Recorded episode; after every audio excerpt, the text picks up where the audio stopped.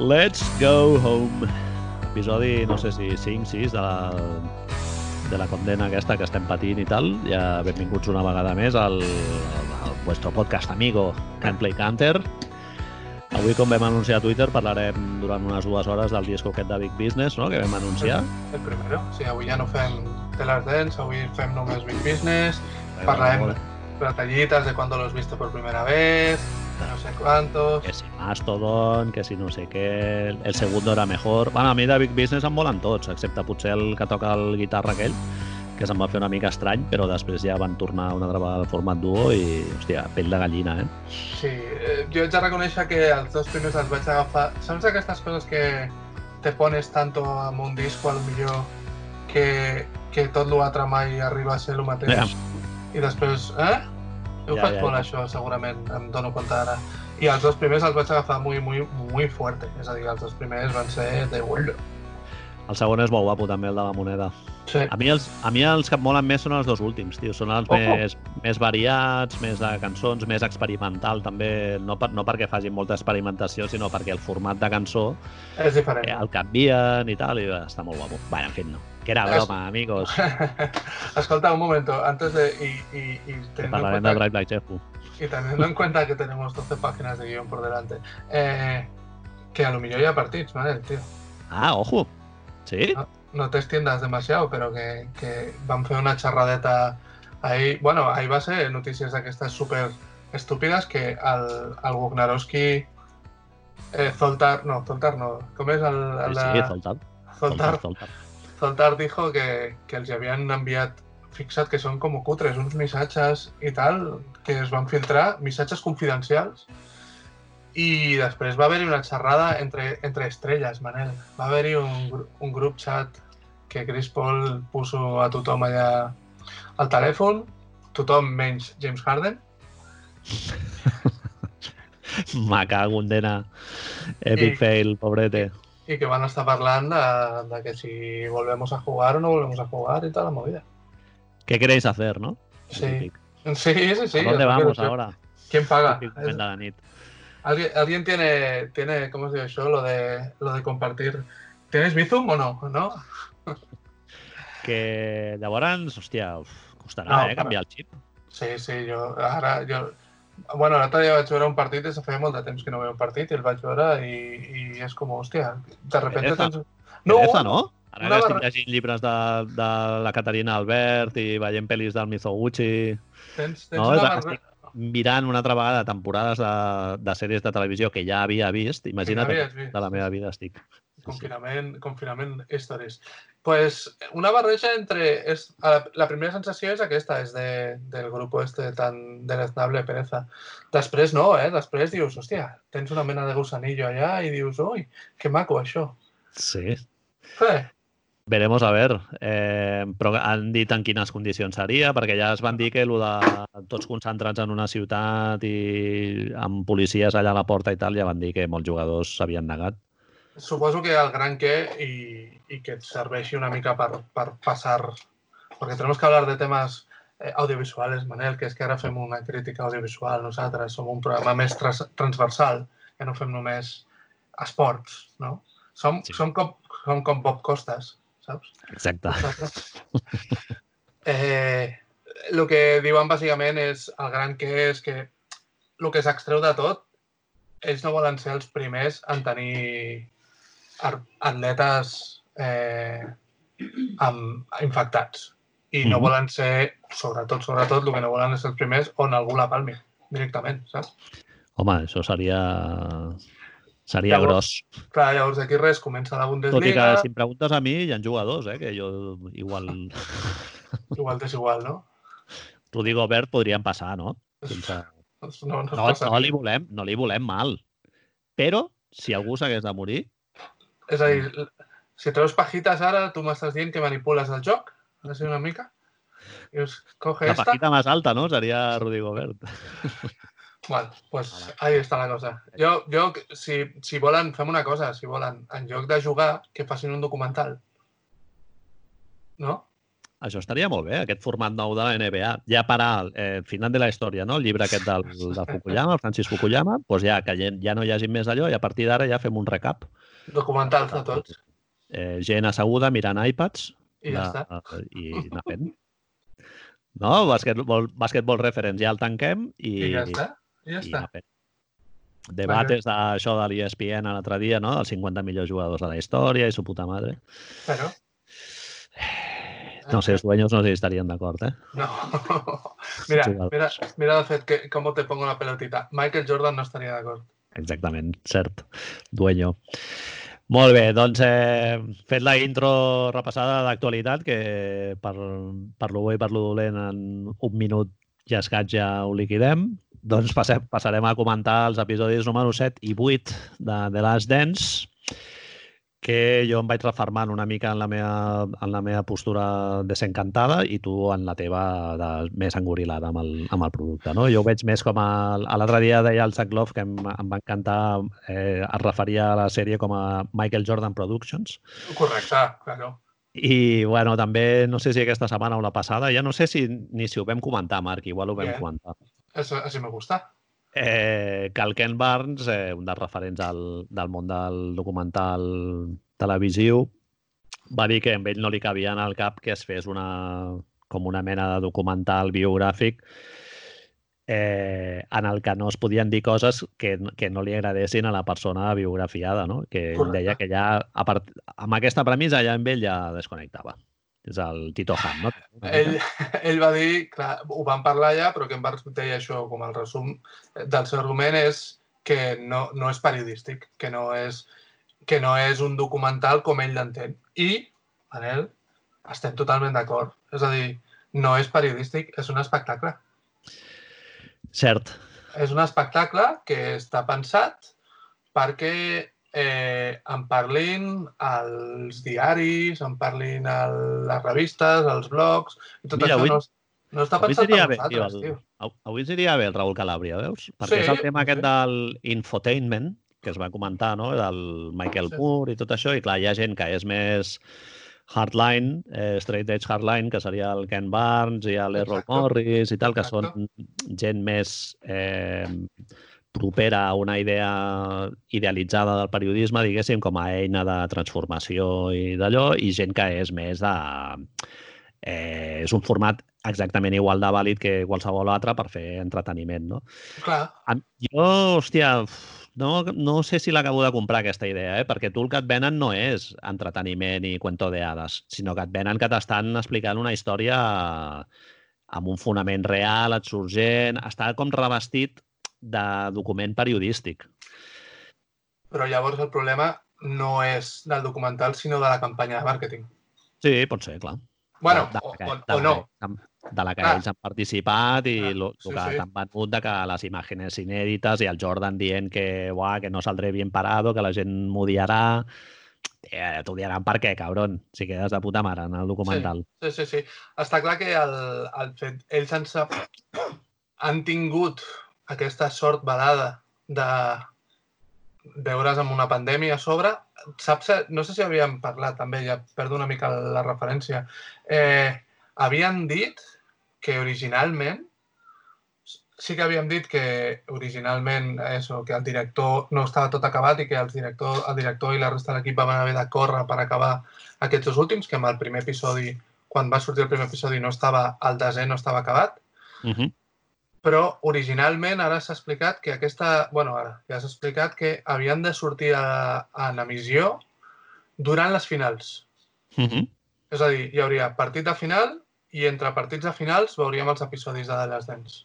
Sí. Amb la qual eh, anàvem a tenir un, un mes vinent centrado exclusivamente en la NBA a nivell a nivell mundial i transversal, és a dir, perquè haguessin, haguessin diguéssim, eh, contentat els hardliners, perquè, com tu deies, no? a la gent, els seguidors de, d'estrictament basquetbolístic i els seguidors més casuals que durant les finals sempre acaben mirant la televisió per veure què és el que passa i a més es troben amb aquest entreteniment com transversal de, de història. Sí. Bueno, l'impacte que hagués tingut aquest documental en una temporada, en, un, en una conjuntura normal, diguéssim, clar, no el sabrem.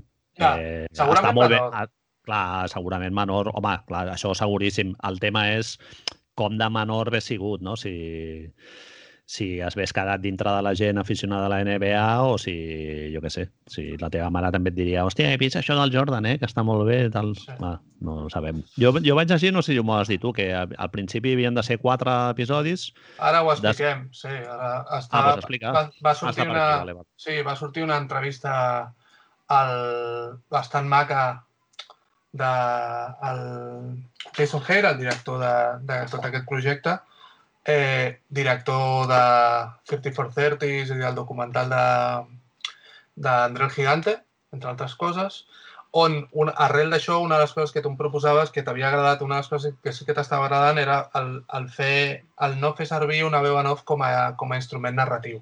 Maquíssim. Un Això és- recurs molt difícil de fer i que ells el fan de puta mare i, i que jo me n'he donat quan ja portàvem set episodis, tio, i que, Sí. hòstia, explicar una història amb, aquest, amb, el, amb la complexitat que et donen els salts temporals i, i com van lligant els temes d'una manera molt orgànica, diguéssim, no sense un, un, una persona que t'ho vagi mastegant per fer-ho més entenedor, és, és molt difícil de fer. I el, dels, dels primers que jo recordo en fer-ho és el documental aquest que ja hem comentat diverses vegades, el de l'O.J. Simpson, no? que és un de les, una de les millors sèries documentals de, de tots els temps.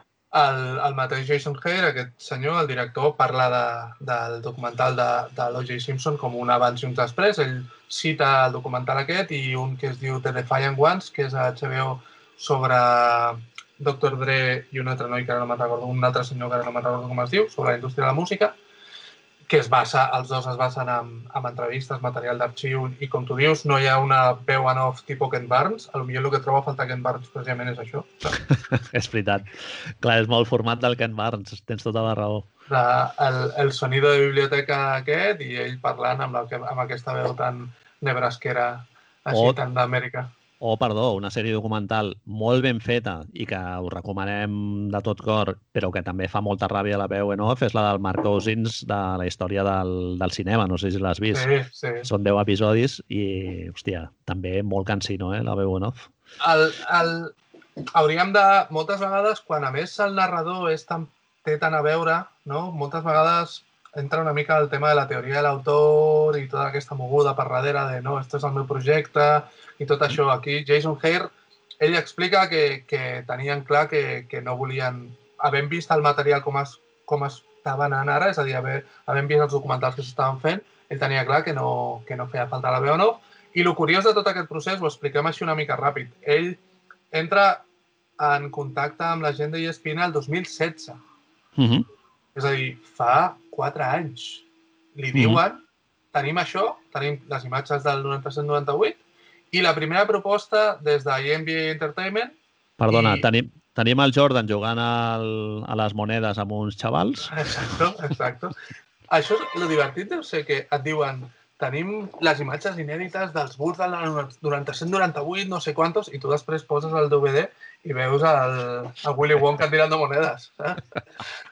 Però, Que dius, vale, LOLs, vale, eh, did it for the LOLs, però Però no, no sé com haremos 10 horas.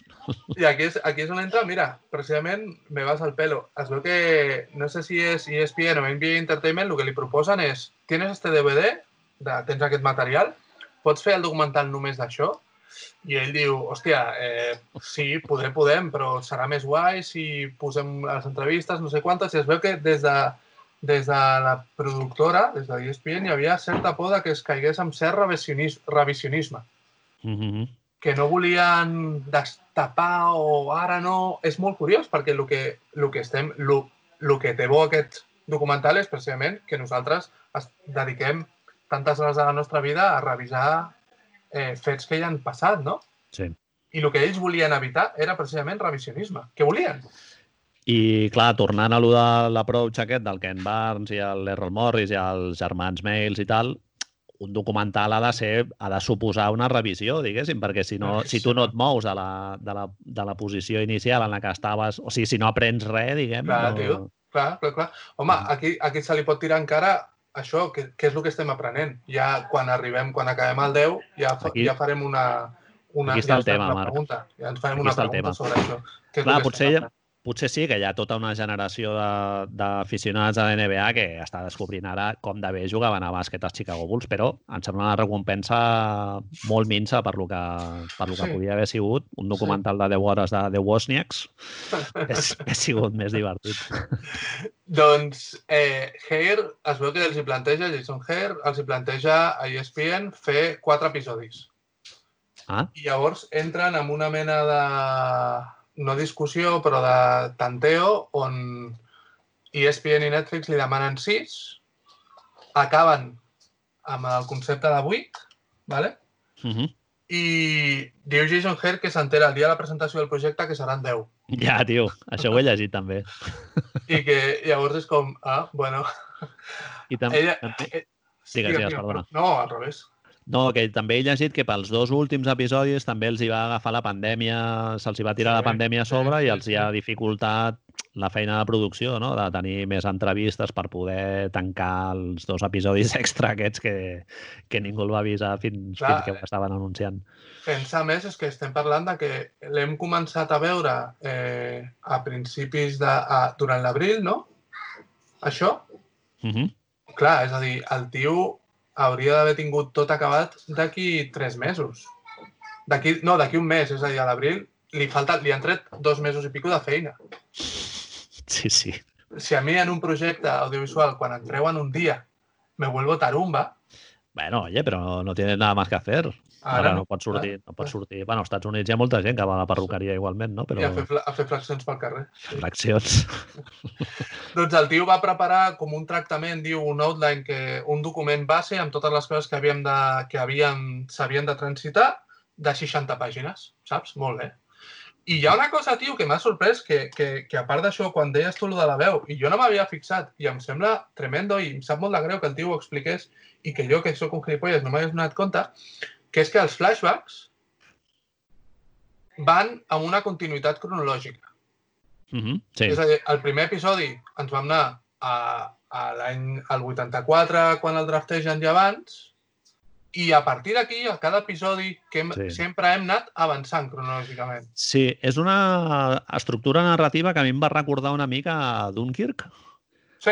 Que van, com els dos moments temporals van avançant a diferent velocitat temporal, diguéssim, però sempre cap endavant, diguem, no? O sigui, perquè si no ja sí que seria un follonazo... clar, El meu dubte, Marc, eh, si faran algun flash forward, també. O sigui, si, parla, si acabaran a 97-98 i diran, Ja. vale, i després no sé què, no sé quant, i després hi ha el dels Wizards i ho ventilaran amb un, amb un parell de minuts, o si realment faran algun... ho adelantaran, no sé.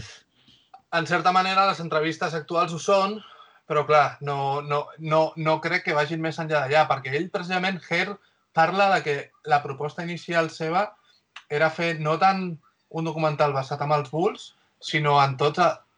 Volia fer un reflex dels anys 90, és a dir, la seva pretensió, Sí. m'imagino, és, és fer el, el documental d'O.J. Simpson centrat en el bàsquet, però està clar que Michael Jordan no havia matat a ningú, amb la qual que sepamos. Eh... sapiguem, sí. amb la Ho qual, va intentar, eh, un parell de vegades, però... Sí, sí, sí, sí. sí, sí. I, I clar, el, el tio és una de les coses que per mi com a mínim, i em sap molt de greu si les haig de volcar aquí amb tot el treball de recerca tan maco que hem fet, jo de sobte estic amb mis caprichitos, Manel, però és que resulta, resulta que per fi he, he endivinat, he esbrinat la línia temporal de les entrevistes de Michael Jordan i estic molt content, tio. Fantàstic. És a dir, Fantàstic. gràcies a The Atleti hi ha una entrevista ben maca on, amb Jason Hare també on s'explica tot això. La primera entrevista, Manel, és el T'has 26 t'has adonat, has Digue'm. observat una mica el color del, Sí, del pèl de camell del sofà de Maisons Dumont, no? I has, has Exacte. fet un, un anàlisi de l'ADN. Exacto. S'ha La- publicat per ahí, no? Això, Sí, sí, sí, sí, sí, no sóc jo, no sóc jo. La primera entrevista, Florida, casa de Michael Jordan, casa, por decirlo de alguna manera, 26 de juny del 2018. ¿vale? Mhm. És a dir, gairebé fa dos anys. Finals calentetes, no? Correcte. Cinco oro con cinco hielos, samarreta blava, purament, Michael Jordan, segons diu Jason Hare, de molt bon humor perquè havia anat a jugar a golf pel matí, ¿vale? i tres hores d'entrevista. Havia anat a jugar a golf, Marc, o havia desplomat algú jugant a golf? No? Exacte. Perquè això és molt diferent. La teoria, el que passa és que la nostra teoria de que s'acabava d'aixecar i, i no havia dormit en tota la nit perquè havia estat desplomant algú, llavors no es confirma, perquè a no ser que hagués estat tota la nit despert desplomant algú, després hagués anat a jugar a golf i després fes l'entrevista, perquè si dura 3 hores i veiem nit, per molt florida que sigui, han d'acabar a les 8 o les 9 Clar. de la nit. Amb la qual cosa, l'entrevista comença per la tarda. Vale? Sí, sí, sí. sí. Amb la qual per una altra banda, el Circono comença per la tarda. Amb el sol encara a dalt, no? Exacte. Bueno, exacte. És com, Jo? com que el roibos teu, saps? Sí, exacte. No va dir, home, jo molt poques vegades a la meva vida m'he fotut un tequila a la llum del dia, eh? O sigui que respect.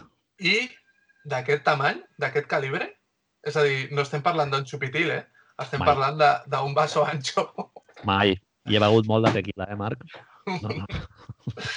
Llavors, una de les coses que té aquest, aquesta primera entrevista, que ara surt aquí, és el moment que em sobta. És la primera de totes. Jason Hare diu que tenien sis pàgines de preguntes i que cobreix, com al principi de... cobreix material per fer 3-4 episodis i és que aquesta entrevista inclou el famós break, el, el famós moment aquest que ja en parlem després de, del gallina de piel del final del set, epi, del setè episodi.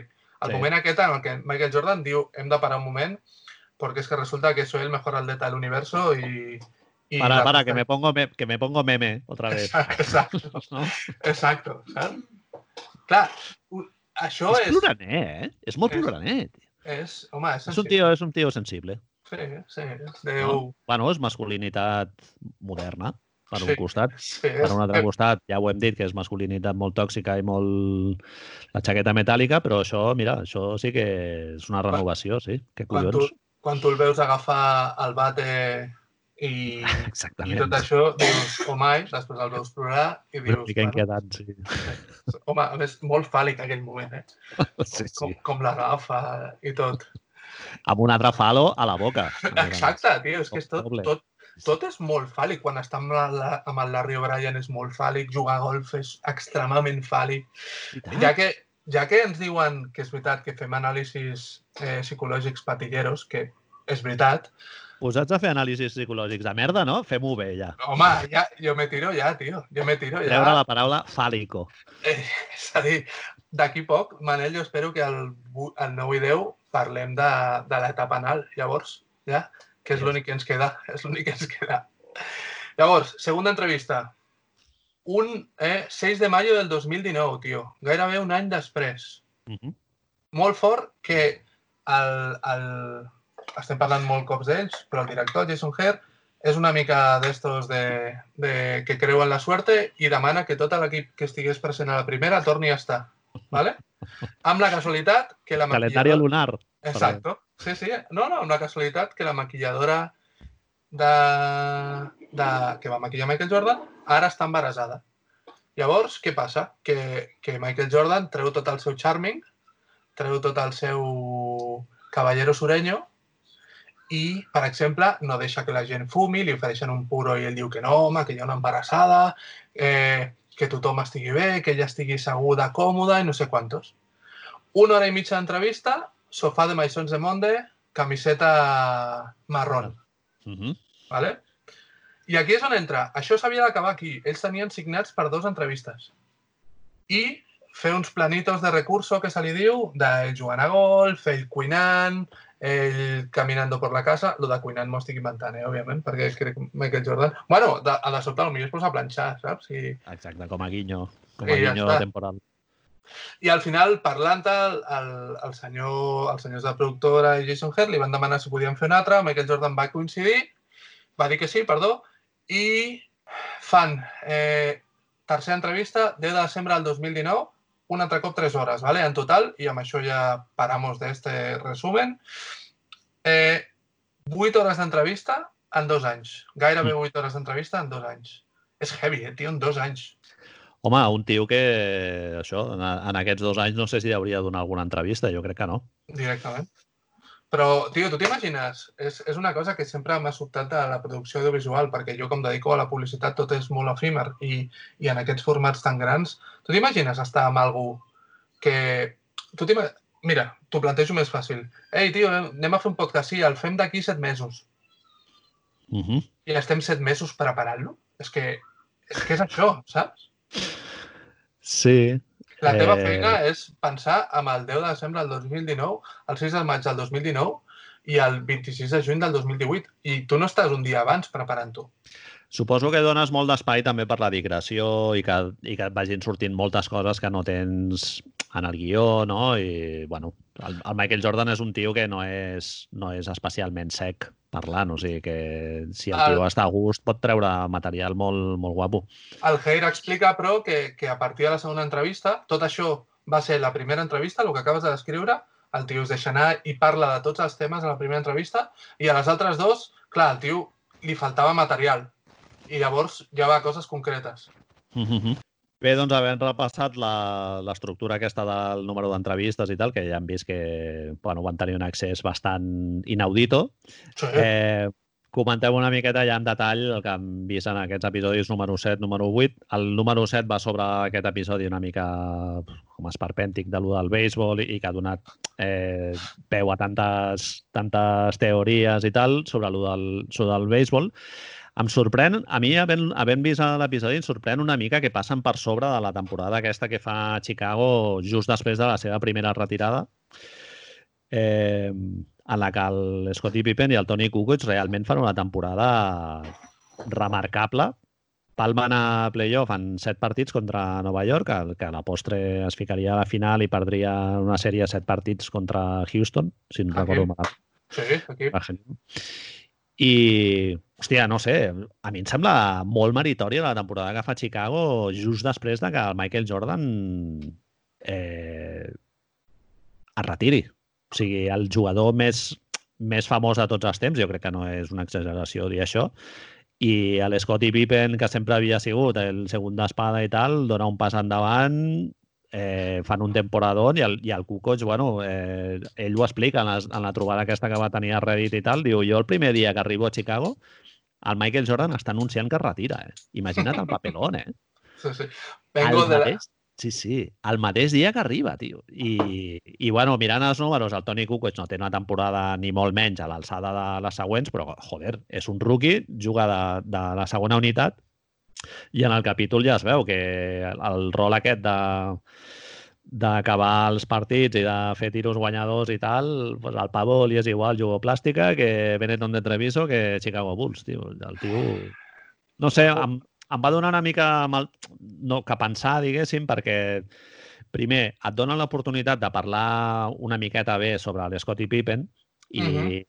Així com hi ha hagut altres episodis en els que, que ja hem comentat aquí, el tio no ha quedat gaire ben parat en aquest, en aquest episodi, sí que et dona l'oportunitat de parlar molt bé d'ell, et dona també per parlar sobre el Tony Kukoc sense el Jordan i ho ventilen així molt ràpidament i es tornen a centrar en el Michael Jordan, no? No, no sé, no... Eh, el, el, segons, mira, ho, ho posàvem i, i és, és, és molt curiós, però si tu fiques de Last Dance a la Wikipedia, diu Last Dance is a 2020 American Sports Documentary Miniseries about the career of Michael Jordan, mm -hmm. coma, with particular focus on the 97-98 Chicago Bulls sí, sí. season. És a dir... Sí, sí, sí, pot ser, pot ser que sigui problema meu, Marc, però... Ah, no, no, problema no, eh, problema no. Havent-hi 10 episodis, tio, pots parlar una mica de tot i tenir tothom content, no... El, el tema, a veure, jo no sé, tu, pot ser, pot ser que, que el fet d'aquest apreton final que els han fet fer hagi fet que, que tot sigui així una mica més concentrat i molt més centrat en ell. És curiós perquè els episodis no duren la hora, hora i alguna que, per exemple, els del O.J. Simpson duren.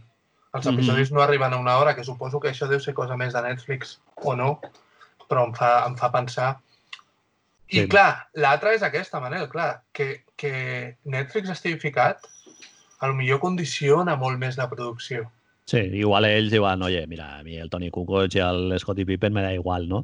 Bàsicament és, és, el, és el que, no sé, a mi em fa venir al cap amb coses, amb productes de Netflix o d'HBO com Making a Murderer o The Jinx, on el que tu vols seguir és la, els teus personatges principals i, i el que vols és entreteniment.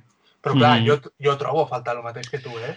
Però no ho és, justifico, no ho però, justifico. és, però és una mica sospitós, Marc, perquè si tu parles bé d'aquella temporada, trenca una mica la Ah, aquesta. No? El, bien, bien. el Hero Journey aquest que deies, llámame mal Bien. pensado, eh, si vols. Bien. Però, clar, et trenca una mica tot el, tot el relat aquest que has estat construint amb els altres episodis, no? Perquè, jo què sé, el Pippen, per exemple, s'ha filtrat. Aquesta setmana va sortir una entrevista del, del Jackie McMullen amb el Zach Love que deia que a l'entorn del Pippen i ell mateix estan una mica descontents de com, de com se l'està presentant en el, en el documental. Si et sembla, podem dir algunes coses de l'Scottie Pippen positives, no? Per Ah, compensar una miqueta sí, això que sí. vam dir la setmana passada i tal, que vam rajar una mica d'ell per episodis, no sé, el Gerard, per exemple, el Gerard Segura, superindignat amb l'Scottie Pippen, eh, també. Sap greu perquè, no sé, espero no haver condicionat molt a la gent, però, hòstia, a mi a veure. hi ha, hi ha coses, tio, que sempre m'han ratxinat una mica del Pippen, però si fas l'esforç també et surten moltes coses positives que potser en el documental no se n'han parlat gaires, tio, no sé.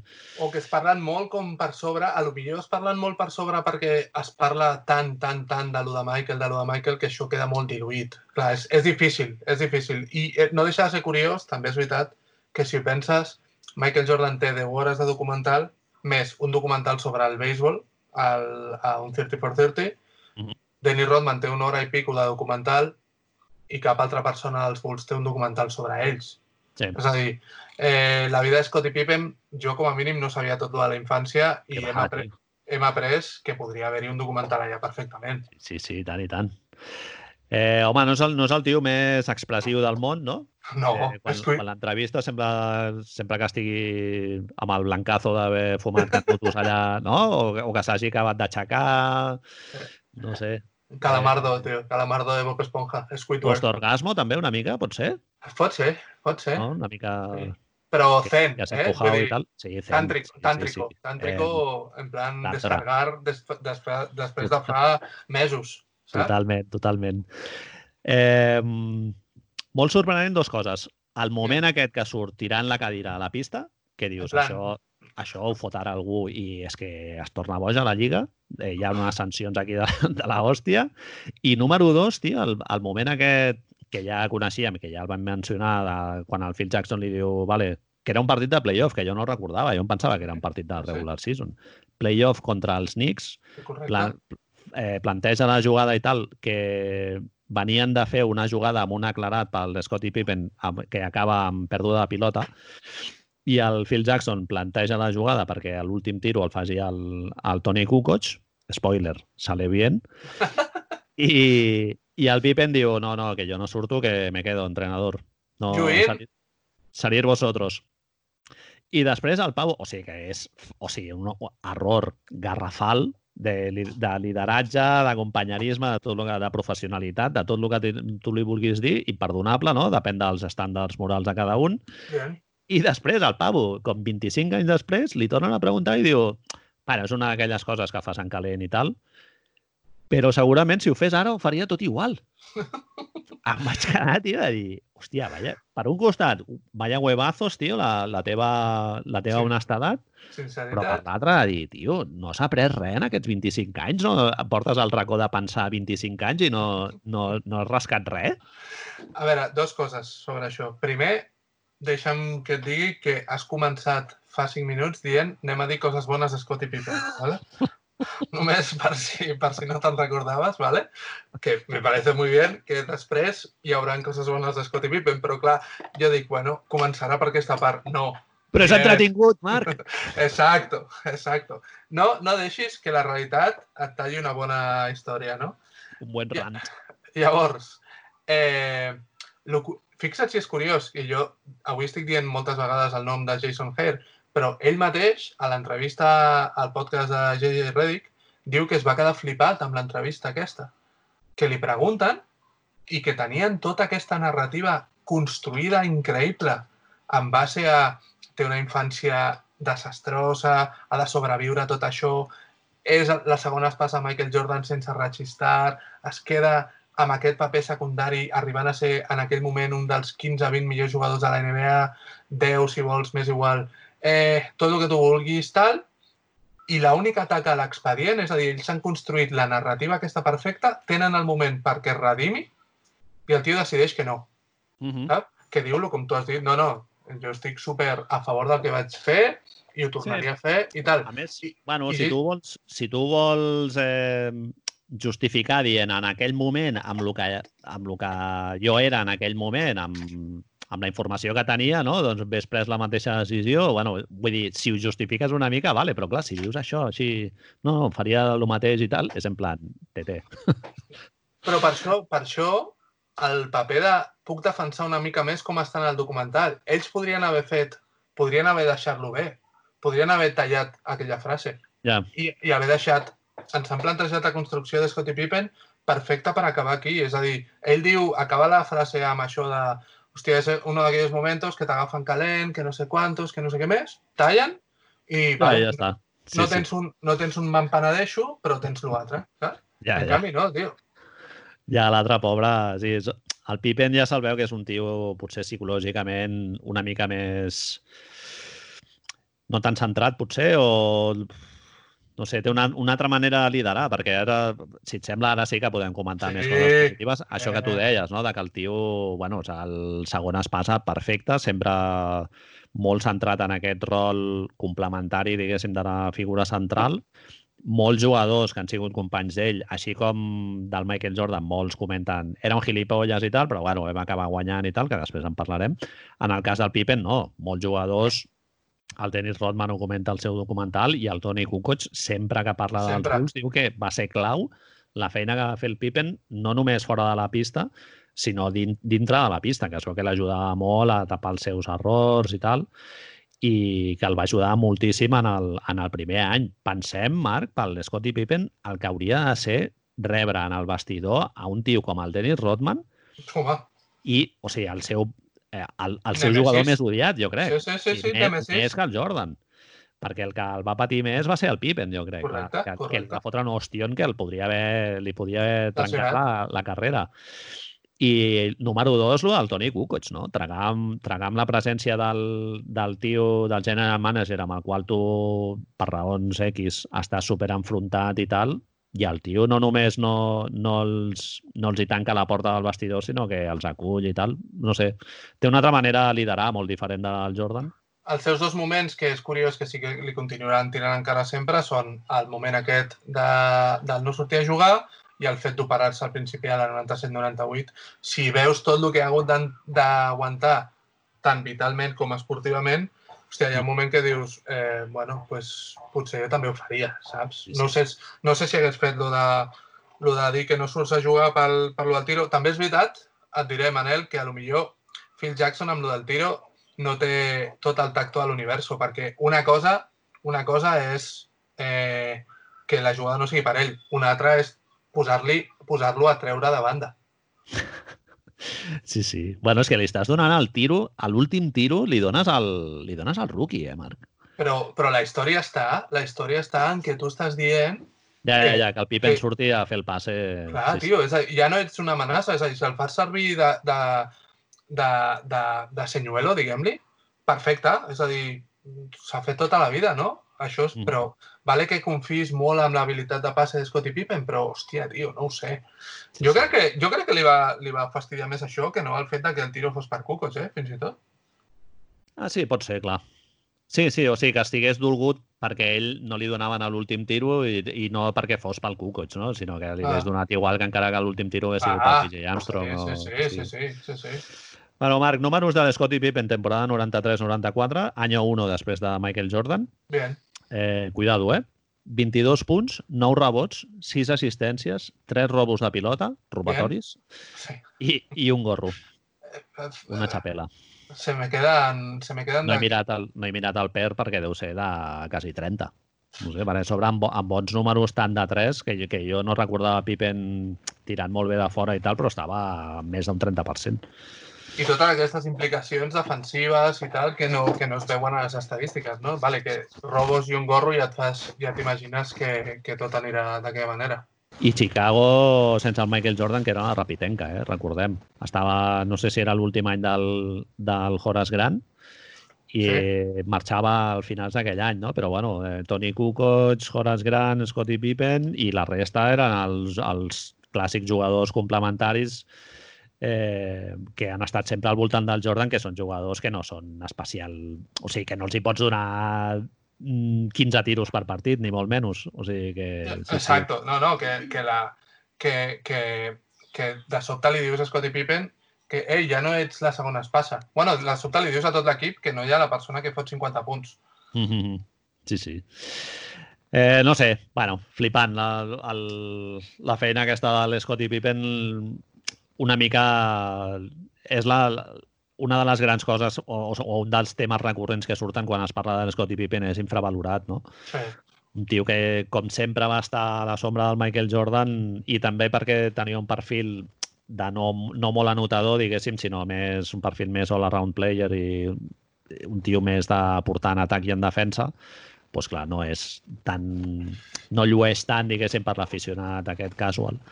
Molt bé, doncs avui que ja hem, ja hem deixat bé l'Scottie Pippen, anem a parlar de això, aquest moment que tu em vas comentar, jo no hi havia caigut, amb Michael Jordan, un dels únics atletes que, que es va, que s'ha retirat tres vegades. Eh, ara sí, ara no, ara sí i ara sí finalment, no? I després, número dos, eh, també hem estat parlant aquesta setmana, no sé si algú, si algú hi cau que ens ho digui, però no, no hem sapigut caure en antecedents d'esportistes de primeríssim nivell, com el Michael Jordan, que es retiressin amb 31 anys. O sigui, que perdessin la gana de competir amb, amb 31 anys, no? Ens, ha, ens han sortit molts pocs noms. El Michel sí. Platini, referent més aviat viejuno, Michael Phelps, eh, Mark Spitz, el Michael Ai. Phelps després va, va tornar. Va, es ha va fet el mateix, no? Sí, ha fet, va fer, es va fer un Jordan i després va tornar, però bueno, són esports individuals, amb la qual cosa l'exigència en número d'entrenaments i tal és, és molt més bèstia. I tu em comentaves això del, del Guardiola i tal, que també aspira del Barça per un tema també de final de ciclo, inclús entrenant també, no? Va agafar sí, el... Sí, sí. L'únic... No, com, en una situació com la de Michael Jordan, òbviament hi ha casos darrere, que després en parlem, que és el, el, el pare i tot això, però al nivell de sentir-se el drenatge del que parla Michael Jordan no l'havien vist a un, a un nivell d'aquesta joventut. Víctor Valdés era el que em sortia, que, que diu que s'ha d'anar, també hi ha implicacions econòmiques amb la de Víctor Valdés, però és que s'ha d'anar perquè no vol la pressió que suscita jugar al Barça i ell diu en una entrevista diu que si hagués pogut escollir no s'hagués dedicat a l'esport professional, si hagués tornat a ser jove. És a dir, que a nivell de pressió li va semblar... Li va semblar... Bueno, el va superar, el va superar. Tim Valdés, eh? O sigui, a mi és un tio que m'encanta, tio. Sí, sí, sí, sí, a més. Tio molt bueno... incòmode, suposo, per lo que és el món del futbol professional. Clar, és un tio que no es calla res, però a mi jo respecto. Un tio que ha parlat d'aquesta manera tan oberta de tot el que li ha passat i tal, sí, sí. no sé. Bueno, és, és una cosa que ens agrada perquè no estem acostumats a veure. Hi ha molt armatisme en aquestes figures que a més són models socials i de sobte quan surt algú, com el que hem vist ara mateix a Michael Jordan, plorar o quan surt algú dient lo he passat mal jugant al futbol, doncs és millor que no el sí, jo és que juego a la Play i tot això, saps? Bueno, estàs, al, al cap i a la fi, el Valdés pues, està projectant fragilitat, no? Estàs, no estàs venent aquesta imatge de ser algú absolutament invulnerable com, com altres models, eh, jo què sé, com el Cristiano Ronaldo, qui sigui, no? que són sí, molt més sí, sí. Eh, compromesos. Bé, Marc, eh, com dèiem, el, el documental aquest és una mica Michael Jordan Productions i ara, eh, després de molts anys pensant que l'etapa del Michael Jordan al béisbol havia sigut un fiasco amb totes les lletres, ara resulta que no, que, bueno, que no ho va fer tan malament i tal, i no només això, sinó que es va pirar del, del béisbol per no, per no quedar com un esquirol de merda. M'estàs dient, Manel, m'estàs dient que Michael Jordan és Karl Marx? és la setmana passada dient que no tenia posicionament polític, joder, i ara ja. resulta que és, un, que és el sindicalista número 1. És, mare de Déu, la CNT la va fundar ell, no? és Saco Ivancetti, per dir referents a Chicago. Eh, no, tio, no sé, però a mi m'ha sorprès lo del, lo del béisbol, tio. Sempre, sempre es va dir que, que, vaja, a veure, eh, tenint present que és un pavo que portava 15 anys sense jugar al puto béisbol i que no, i que no, que no havia jugat, doncs clar, suposo que ho pots analitzar, que és el que diuen al documental, no? que ho pots analitzar sota aquest punt de vista, de dir, bueno, és un tio que l'última vegada que havia jugat a béisbol d'una manera més o menys sèria havia sigut a l'institut quan tenia 14 anys Clar. I de sobte als 30 diu, ah, mira, vaig a provar el béisbol, que a mi em molava molt i tal. I, i clar, doncs, si ho penses així, vale, el número de bases robades, no sé què, però és que va jugar als Birmingham Barons, Marc. O sigui, no... O sigui, a l'equip de la... A les lligues menors als Estats Units hi ha molts equips, eh? No és com... No, no són 29 franquícies i 29 a les, a les lligues menors. No, no. O sigui, Chicago té diversos equips de, de, de les lligues menors, perquè els, els, les franquícies tenen molts, o sigui, són molts més eh, partits i hi ha molts equips a les lligues menors. O sigui, que haver jugat a les lligues menors, no sé. Però tu, Manel, tu que has vist també l'altre documental i has vist les imatges, el, de, el documental aquest d'ell jugant a béisbol, com ho fa? Tu què saps que t'agrada el béisbol una mica? No, aquest, aquest no l'he vist, el documental ah, aquest. Va. No, jo quan el veig jugar, el swing i tal, ho fa bé. Una mica massa dibuixat. O sigui, els, els jugadors eh, de la Major League Baseball veus gent que, bueno, el Babe Ruth mateix eh, és gent atlèticament bastant precària, eh, diguéssim. Complicada, sí. sí. Complicada. I, però clar, quan els... O sigui, llegeixen molt bé, en el documental ho expliquen, no? Hòstia, quan el, al vuitè partit, quan ja veuen que les Wrecking Balls aquestes, el tio no hi ha manera de que les llegeixi, pues el matxaquen a Wrecking Balls i s'acaba la història. Clar, els tios aquests que no tenen molta capacitat atlètica, però que són molt bons llegint el llançament no? el que ve i, i bategen que t'hi cagues, tio. O sigui, a Major League Baseball i tios eh, llançant també, que els veus que físicament eh, dius, este tio, aquest tio no és un esportista professional i realment, clar, Michael Jordan fa, fa molt bona pinta, fa molt de goig, però, vaja, no sé, les estadístiques estan ahí. Ara, clar, si penses que portava 15 anys jugant a bàsquet i de sobte diu, ah, doncs al béisbol, i si, I si pel que fos hagués dit what if d'estos de mierda, eh? Hagués dit no, no, béisbol, i s'hagués quedat els anys que fossin a les, a les lligues menors i després hagués, per suposar, arribat a una mica més a dalt, hagués representat algú... És a dir, el béisbol amb Michael Jordan hagués sigut un esport més transversal del que és ara? Hòstia, molt bona pregunta. Jo, jo crec que sí, no? Que hagués ajudat a, a fer que el béisbol hagués sigut més gran. Home, en, aquell seria... moment el, en aquell moment el béisbol és més gran que la NBA? Sí, jo crec que sí. O ja o la NBA ja comença, Stern ja ha començat a fer la feina, els Bulls acaben de fer un tripit... No, jo crec que sí. Jo crec que fins que no arriba el LeBron James a la NBA, que, que ja vens dels anys previs del Michael Jordan, jo crec que la NBA no... Però vaja, no, et parlo de sensacions, eh? Tampoc sí, sí, sí, no, ara, no, que, no, que nadie el... s'enfade, no? Amb això sí. que estem dient, és a dir, que ara no, estem... el béisbol és molt gran als Estats Units, però clar. clar, és més tradicional, o sigui, no, té un seguiment que no fluctua tant ja. envers les figures principals i tal, sinó que és, és més... La gent és dels New York Yankees i continuen, sí, saps? Els és igual que guanyin o perdin o... Sí, sí. Clar, és aquesta... més, més proper al, a l'aproximació que es té a l'esport, al futbol a Europa, per dir alguna cosa. Exacte. On tu ets sí, sí. del Barça, de l'Espanyol, del Joventut, del Madrid, i ets d'aquell equip, jugui qui jugui.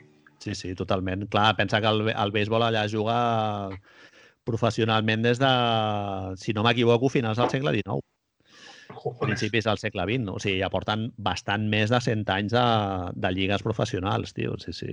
I hi ha molt de seguiment des del principi, eh? O sigui que...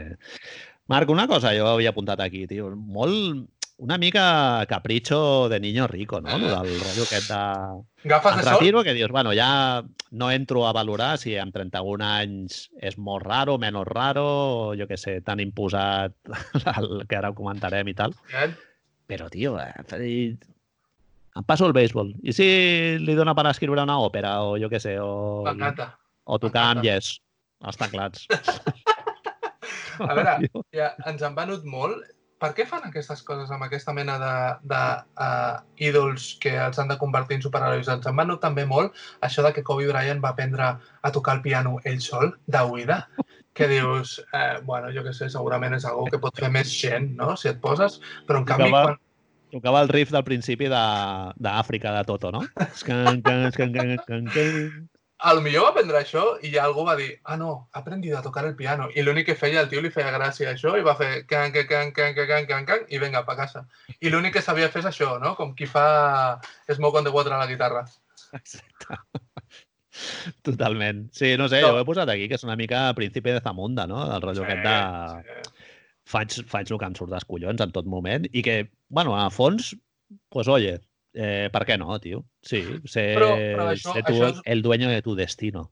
Això és una de les coses que segurament augmenta totes les aquestes conspiranoies que van sortir al seu voltant, no? Que no deixa de ser raro. És a dir, era molt difícil de, de justificar el fet de no, és que ara vull jugar al béisbol i més si li sumes que hi havia els problemes que hi havia econòmics per darrere, econòmics no, de gambling que hi havia, d'apostes que hi havia darrere, si tens en ment que Jerry Reinsor és el propietari d'un equip de béisbol a on ell és on va jugar, clar, és que si hagués tingut un equip de waterpolo, què hagués fet Michael Jordan? Sí, sí. No? Eh, sí, sí.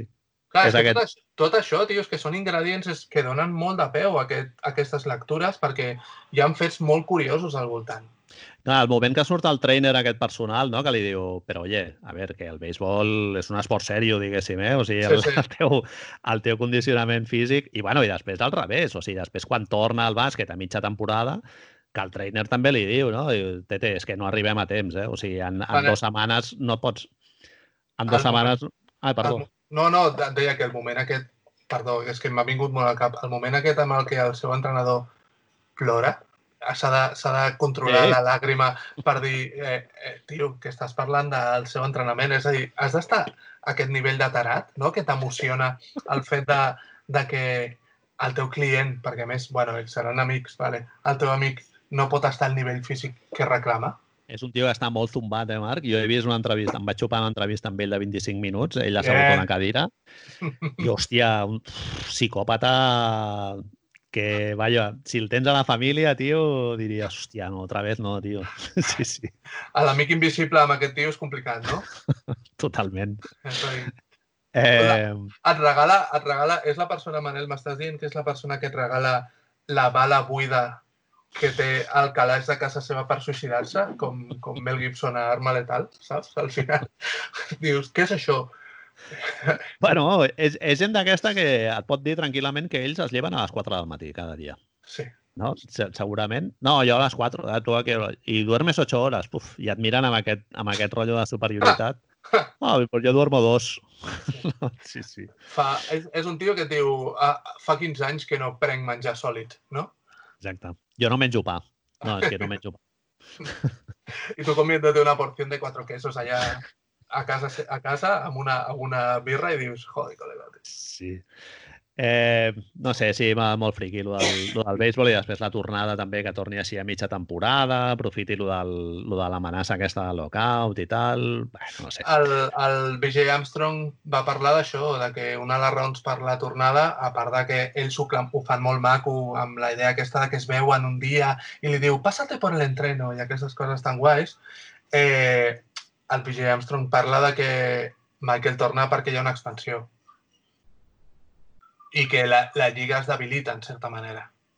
Mm -hmm. O sigui, veu l'oportunitat de seguir guanyant, o sigui, veu una conjuntura favorable, diguéssim, a, a seguir guanyant, no? Totalment. És a dir, no, ell el que vol no és, suposo, no vol tornar amb les condicions amb la que estava. Ojo, que em sembla superlícit, eh? Mm. Si tot això al final no hi ha conspiranoia i no hi hagués res, que, bueno, ja, així cadascú que decideixi el que vulgui, hòstia, em sembla superlícit. O sigui, jo no ho vull passar malament. De sobte bueno, surten unes condicions més favorables, doncs pues, vale, torno. Jo, jo el que posaven aquí és això, que l'humanitza en el sentit de que eh, jo tenia un col·lega, per exemple, Marc, que venia una vegada tot, tot sèrio. Sí. El Carles em va dir amb la meva nòvia volem, volem anar al Polo Norte en canoa. Hem estat tirant sponsors i tal, i hem, i hem mirat com... I el tio tot sèrio, eh, m'ho va dir. Tot sèrio, tot sèrio. Pues clar, Michael Jordan segurament era això i no va tenir ningú al seu entorn que li digués, oye, Michael, eh, eh, farem això, no? Fes una cosa, fota't dos xupitos de tequila, vés a dormir. clar, tio, no sé, l'humanitza en aquest sentit de dir... Sí. O lo de Washington, no? La borratxera aquesta de... No, doncs ara jugaré un altre equip quan tingui ja 40 palos i els portarem a playoff aquí amb el Quayne Brown i su puta madre, tio. I bueno, quina necessitat tens, però bueno, sí, és eh, follow your dreams, no? És curiós que, que l'únic equip que, un, no l'únic, però un dels equips amb condicions per competir que tenia pasta en el moment era Houston i es va quedar Scottie Pippen en lloc de Michael Jordan. Vale que els temps són diferents, però jo suposo que si a Houston en aquest moment li diuen, Michael li diu, no, no, que vaig a tornar i no vull fer-ho als Bulls perquè està Kraus, està a su puta madre, eh, potser no haguessin agafat successions, eh? no haguessin agafat a Scottie Pippen i haguessin anat amb Michael Jordan, no ho sabem. Mm -hmm. Interessant. A Bueno, La retirada, Eh, llavors, Manel. sí, és a tema retirada. Comentava el, el Quique García en un article molt interessant algunes coses que jo no, no les recordava i mira, si et sembla, doncs les aprofitem. Eh, quan el Michael Jordan es va retirar, la primera vegada, temporada 93-94, no? si no m'equivoco, o nor- 92-93, perdó, una cosa, una altra. eh, la NCA estava investigant una possible implicació del Michael Jordan en, en les apostes en partits en els que ell havia jugat i es veu que hi havia testimonis que l'incriminaven. Grups. Eh, el fet de que ell es retirés automàticament va parar aquesta investigació i no es va, ja no es va demostrar res, diguéssim, o sigui, no va avançar, no es va demostrar ni en un sentit ni en l'altre, no? O sigui, sent estrictes. I, i bé, no, no va avançar mai i això va quedar aparcat en allà. En la roda de premsa de la primera retirada, el Jordan es veu que va dir d'aquí cinc anys, si torno a tenir ganes i els Bulls em volen i el David Stern em deixa, diu, pot ser que torni. Clar, el David Stern, eh? o sigui, el subratlla allà, que és una mica estrany, l'estratègia verbal. I quan es retira la segona vegada, eh, li dona les gràcies al David Stern por haberle dado la oportunidad de jugar. És, és molt curiós. És, No? és, és, és molt curiós. És que és el que dèiem abans. Reinsdorf és el propietari d'on es retira, de l'equip on es retira, Cobra exactament el mateix salari que estaven cobrant els Bulls. i això ho expliquen, ho expliquen a la, a la, al de les dents, a l'últim episodi, i ell explica directament, surt del mateix Reinsdorf explicant això, amb la qual no és algo que vulguin amagar. Uh -huh. El que passa és que és, és el que dèiem, són tot... No sabem no sabem si ha de ser veritat, però té tots els elements per a una història que generi aquest tipus de, de discursos i narratives. Uh -huh. El que passa, passa també, eh, aquí s'hauria de veure, és tan fàcil com això, jo no he trobat les dades, ho vaig començar a mirar, però no vaig trobar les dades sabent que havíem de gravar avui, eh? És tan fàcil com l'argument va ser per, per que fan servir els defensors de Michael Jordan i David Stern, ja no està entre nosaltres per, per dir la seva, però feia servir el mateix argument, és que des del punt de vista empresarial era inútil treure l'actiu més important a nivell econòmic. Bueno, és el tio que havia salvat la NBA, pràcticament. Correcte, correcte. És o, a dir, o, bueno, o que havia portat a la NBA més enllà d'on l'havien deixat el Magic Johnson i el Larry Bird, no? O sigui, per ser Larry- justos també amb el llegat d'aquests dos. Ells dos comencen i Stern se n'adona, segurament amb l'ajuda de David Falk i el, i el nivell, aquest engranatge eh, econòmic que munten darrere, s'adona compte que poden fer que la lliga vagi a un nivell més transversal, que augmenti en popularitat, i l'argument que donen per tots per negar aquesta implicació amb les apostes, aquesta retirada forçada, és que seria estúpid treure't el, el teu actiu econòmic més important. Aquí Sí. és molt fàcil, aquí l'únic que s'ha de fer és mirar els números. Encara no, jo no he tingut temps de fer-ho, vaig començar a fer-ho, eh? És a dir, dades de...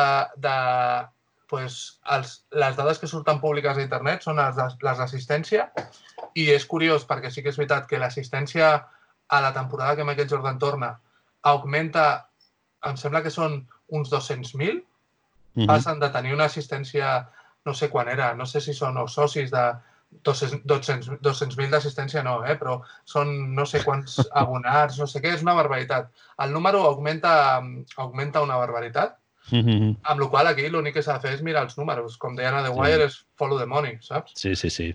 Home, és l'argument... Perdona. Digues, No, no, això, això, que és, que és que, que els calés són els que acaben determinant tot. Totalment. Bueno, ja, hem- ja hem vist en aquests quasi tres anys que portem fent el podcast eh, hem vist diversos exemples en els quals es demostra que els propietaris es guien pels interessos econòmics. O sigui, Sí. sí. la love of the game i la vi- vinculació de jugadors en franquícies, etc.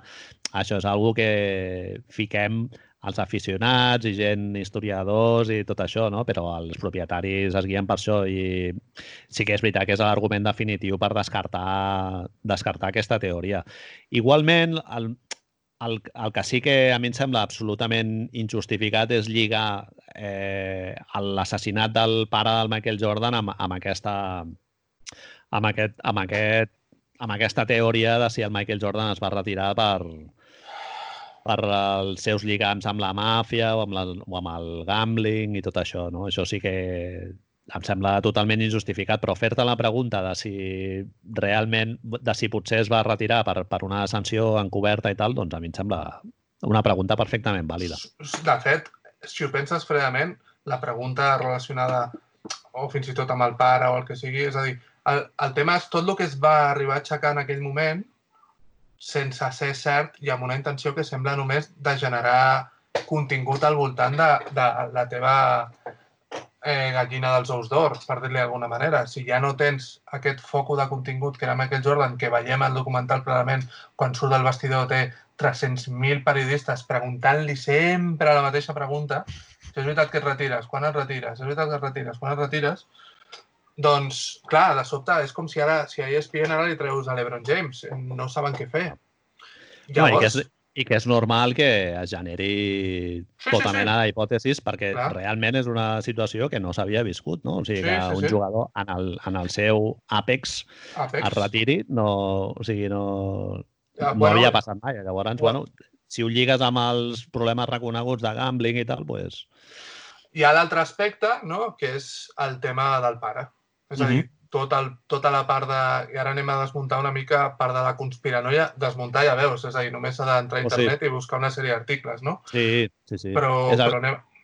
és el que hem Digues, fet, sí. Res, per, la, per la manera com el Michael Jordan ha afrontat el, aquest episodi de la seva vida, que, el, que ell ha, ha protegit, diguéssim, o, o no ha volgut eh, afrontar d'una manera pública per, per una raó perfectament comprensible, com ell ha explicat en, en un parell d'entrevistes i tal, doncs, clar, també hi ha hagut moltes elucubracions al voltant d'aquest episodi, no? Eh, però qualsevol persona, com tu deies, que llegeixi un parell d'articles, veurà que no hi ha, no hi ha cap mena de, de relació entre la màfia i, el- i, i l'assassinat del, del James Jordan. No? O sigui, si et sembla, ara repassem una mica de les, Sí, les condicions en les que es va fer la investigació i les conclusions i tal, i bueno, hem tret la informació d'un article que està molt bé, del Chicago Tribune, que es va publicar l'any 2018 amb motiu del 25 aniversari de la, de la mort del pare.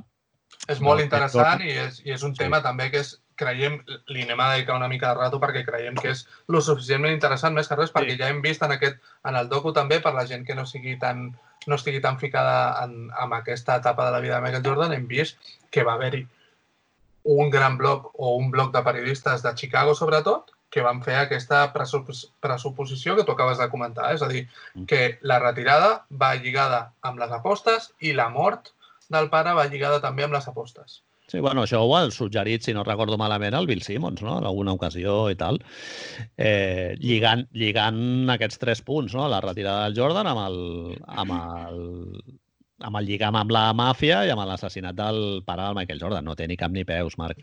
bueno, eh, l'article, això, el podeu consultar i, i a l'article té molt de mèrit perquè en cap moment comenten la paraula, mencionen la paraula gambling, Bien. és un article gens sensacionalista, el Chicago Tribune, un dels, de les capçaleres més respectades dels Estats Units, i altres articles, com el New York Times, sí que es fan ressò d'aquesta rumorologia i tal, que dius, tio, vaya, vaya tela marinera. Bueno, Anem El- a fer un esforç, perdona Manel, anem a fer un esforç perquè hi han molts noms en Sí. tot això que anem a explicar, és a dir, que anirem No, tornant a ells alguna vegada, però com Sí, sí. hi ha, hi ha diversos protagonistes, diguem, Sí, òbviament, el principal és és el pare de Michael Jordan, però hi ha, hi ha diversos protagonistes amb els quals intentarem anar dient els seus noms perquè tothom quedi, ho, ho entengui clar. Sí, hi ha, hi ha dos xavals que, són, que van, ser, van ser condemnats i estan complint condemna, que són el Daniel Green i el Larry Demery, i a part d'això, bueno, els altres jo crec que es poden seguir bé. El James Jordan va morir el 22 de juliol del 1993, quan tenia l'edat més o menys que té el Michael Jordan ara, que són 57 anys. Bien que això també dona a pensar també el, sobre el timing pel qual ell ha escollit sí. fer el documental, no? També. Molt bé. Sí, Igual, sí, sí, correcte. Molt ben pensat. Ho tenia també ho tenia present. Es veu que el Jordan, bueno, com tothom sap, el van assassinar al, al marge d'una carretera i tal, al, a les 12 i poc de la nit. Uh, ell havia anat a Wilmington, eh, vivia a Charlotte, crec, Sí, a Charlotte, i havia anat a Wilmington a l'enterrament d'un excompany de feina i tal. Això I surt després... al documental, és a dir, al documental surt una, més, una imatge ben clara d'una senyal de trànsit amb Wilmington i una de les coses que es parla, Michael Jordan parla de que el seu pare tenia aquest costum de ser una mica independent i de ara me voy por allí, ara me voy por allà. Després sí. entrarem a què ens sembla tot això i amb sí, sí. què es pot relacionar. Eh, a les 12 de la nit eh, de Wilmington a Charlotte hi ha 3 hores i mitja en cotxe. Bien. I, sorprenentment, el pare del Jordan no decideix agafar una nit d'hotel, sinó que a sota dormir al, al cotxe. eh, al cap de, de poca estona d'estar allà, eh, li venen dos lladres i, eh, suposadament, l'atraquen en aquell moment perquè es volen quedar amb el, amb el seu cotxe. Aquests dos lladres, perdona Manel, són el Daniel Green i el Larry Demery que hem parlat. Exacte. En aquella època, 18 anys, Daniel Green, Larry Demery, 17 anys. 17 anys, molt joves. És a dir, sí, estem sí. parlant parlar... de, de gent que no era major d'edat segons els, els no. números americans. No, no, i després, després parlarem una mica del, de l'historial delictiu de, dels dos xavals aquests i tal. Eh, el, el cos no el troben fins al cap de 11 dies, perquè uh. bueno, els xavals aquests es desfan del seu cos i no el troben fins al cap de 11 dies, que el troba un, un pescador Bien. de la, de la zona i el cos apareix a 60 milles, uh. o sigui, uns 80 quilòmetres d'on el van assassinar. Wow. Vale? La, el que és una mica estrany, bueno, quan el troben no saben qui és, perquè veu que el cos ja està en procés de descomposició i tal. Clar. I també eh, es veu que la família no va donar part de la desaparició fins al cap de 21 dies de que desaparegués. Això és molt raro tot plegat, tio. És, és a dir, ara anirem, anirem dient és molt raro perquè surten coses concretes que són extremadament rares amb sí. un fet com la mort d'un familiar. Sí, sí. A 21 dies, tio, 3 setmanes. En, en aquest eh, període de temps, 21 dies, el, es va produir l'aniversari del, del James Jordan, el dia uh -huh. 31 de juliol, nou dies després de que l'última persona el veiés viu. I ells encara no han denunciat, eh? No, no. Molt bé. No, no. Això, el cotxe el van trobar a una cuneta on, on es va posar a dormir, el, no el van trobar a la cuneta on es va posar a dormir, sinó a un, el, els tios es van emportar el cotxe i el van abandonar dies després a, a un bosc també molt allunyat de, de la zona del, del crim. Vale. Es veu que va morir d'un sol disparo, d'un vale. sol tret, vale. i el cos el van incinerar poc després d'haver de, sigut trobat perquè no el van identificar i tal, i perquè portava molts dies al llac i no sé què, i no, en, en el moment que el van trobar, inclús el, el pescador no va saber dir si era un home o una dona. Hosti. Vale? Eh, hi ha moltes proves que incriminen els, els dos acusats, el, el Green i el, i el Demery, amb la desaparició del cos, amb el trasllat, amb el robatori del cotxe i uh -huh. amb diverses de les seves possessions, que ara en parlarem una mica. Eh? Uh, sí, tio. Però, com només el van matar d'un sol tret, eh, mai s'ha pogut establir qui dels dos va ser el que, el que va ser, perquè clar, no es van poder fer ni proves de balística, perquè com el van trobar molts dies després, no es va poder determinar quin dels dos va ser. I clar, hi ha el testimoni dels, dels dos implicats, però són contradictoris i han oh. anat canviant durant el, durant el pas del temps, no? Clar. Eh, un dels dos xavals, eh, el Green, diu que ell no va, no va ser el que va disparar, i que ell no estava present quan, quan el van disparar. Això és el que li diu a la periodista del Chicago Tribune, eh? Vale. Molts després i tal. Sí, sí, sí. i que ell no estava, no estava present quan el van disparar. I que ell no creu, basant-se en coses que, que li han dit, que el Jordan, que el pare del Michael Jordan estigués dintre del cotxe quan el van matar. És que tot és una de les grans coses, és un únic tret, no? Eh, Sí, sí. Passa dins, eh, aquí una de les coses que no sabrem, que no acabarem de saber mai, si és un robatori, tot això de que estava dormint, és com, Sí. a veure, bueno, Ja, és molt raro. El, el tio aquest, el Green, sí que reconeix haver ajudat el, el col·lega, el Demery, a traslladar el seu cos, perquè es veu que era molt amic i tal, i que, bueno, el típico errores que comets quan tens 18 anys i tal. Vaig voler jugar un amic que estava en una situació desesperada i tal, uh -huh. i se'l van emportar. Si els, els haguessin condemnat per això, eh, que, que en termes criminològics seria accessory to murder, o sigui, haver ajudat a un, a un assassinat, al xaval Mhm. aquest li haurien fotut 10 anys de condemna. vale, I els dos estan, estan fent cadena perpètua. Bien. diferents i tal. Bueno, s'han han presentat al·legacions per, per eh, assolir la condicional. De moment els hi han denegat dos vegades a cada un i el, els advocats aquests del, del Green estan demanant que es repeteixi el judici perquè diuen que hi han algunes coses que no es van investigar en el, en el judici, una de les quals, Marc, és escandalosa. bien. Uh, Coses, ara arriben, a, ara comencem a arribar, ja hem fet una mena de prèvia, vale? Sí. i ara comencen a arribar les coses que barregen Sí. l'escàndalo i l'espectacularitat més Sí. absurda. És a dir, ara mateix necessitem un documental sobre això, per Ah, dir-ho manera. sobretot deus anar a perspectiva europea. A mi hi ha coses que, o sigui, de- et deixen, tio, realment turulato. Bueno, ara les comentarem una mica en calma. En els dies posteriors a l'assassinat, el xaval aquest, el Green, apareix en un vídeo de hip-hop Bien. en el que porta un rellotge del campionat de la NBA que el Michael. Jordan va regalar al seu pare Bien. i un anell de l'All-Star del 1986. És a dir, ara mateix Sí, sí. ja és, ja és quan, quan tot dius, però estamos locos? O... Clar, això ho tenien al cotxe. El, els pavos Clar. aquests s'ho van trobar al cotxe i van dir, uau, tio, puta madre, no? Amb 18 Clar. anys i tal, doncs sóc el rei del... Bueno, un, un dels grans que és més, més famosos és que en teoria li van treure les bambes, que eren unes, unes Jordan. Sí, sí. Clar, deia que un, un dels grans que és era que li, va, que el van robar per les bambes. Mm -hmm.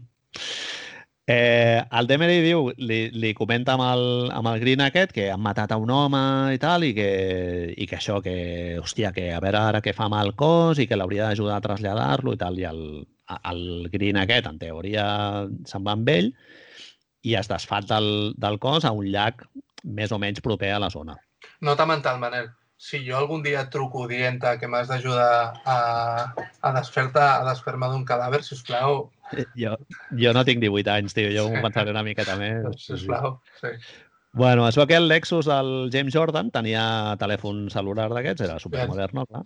I es veu que els van pillar 23 dies després de l'assassinat. Clar, la família no va denunciar la desaparició fins 21 dies després, eh, durant dos dies d'investigacions i tal, que, que es, van, van, es van estar fent, es van pillar pel mogollon de trucades que van fer des del cotxe, unes 60.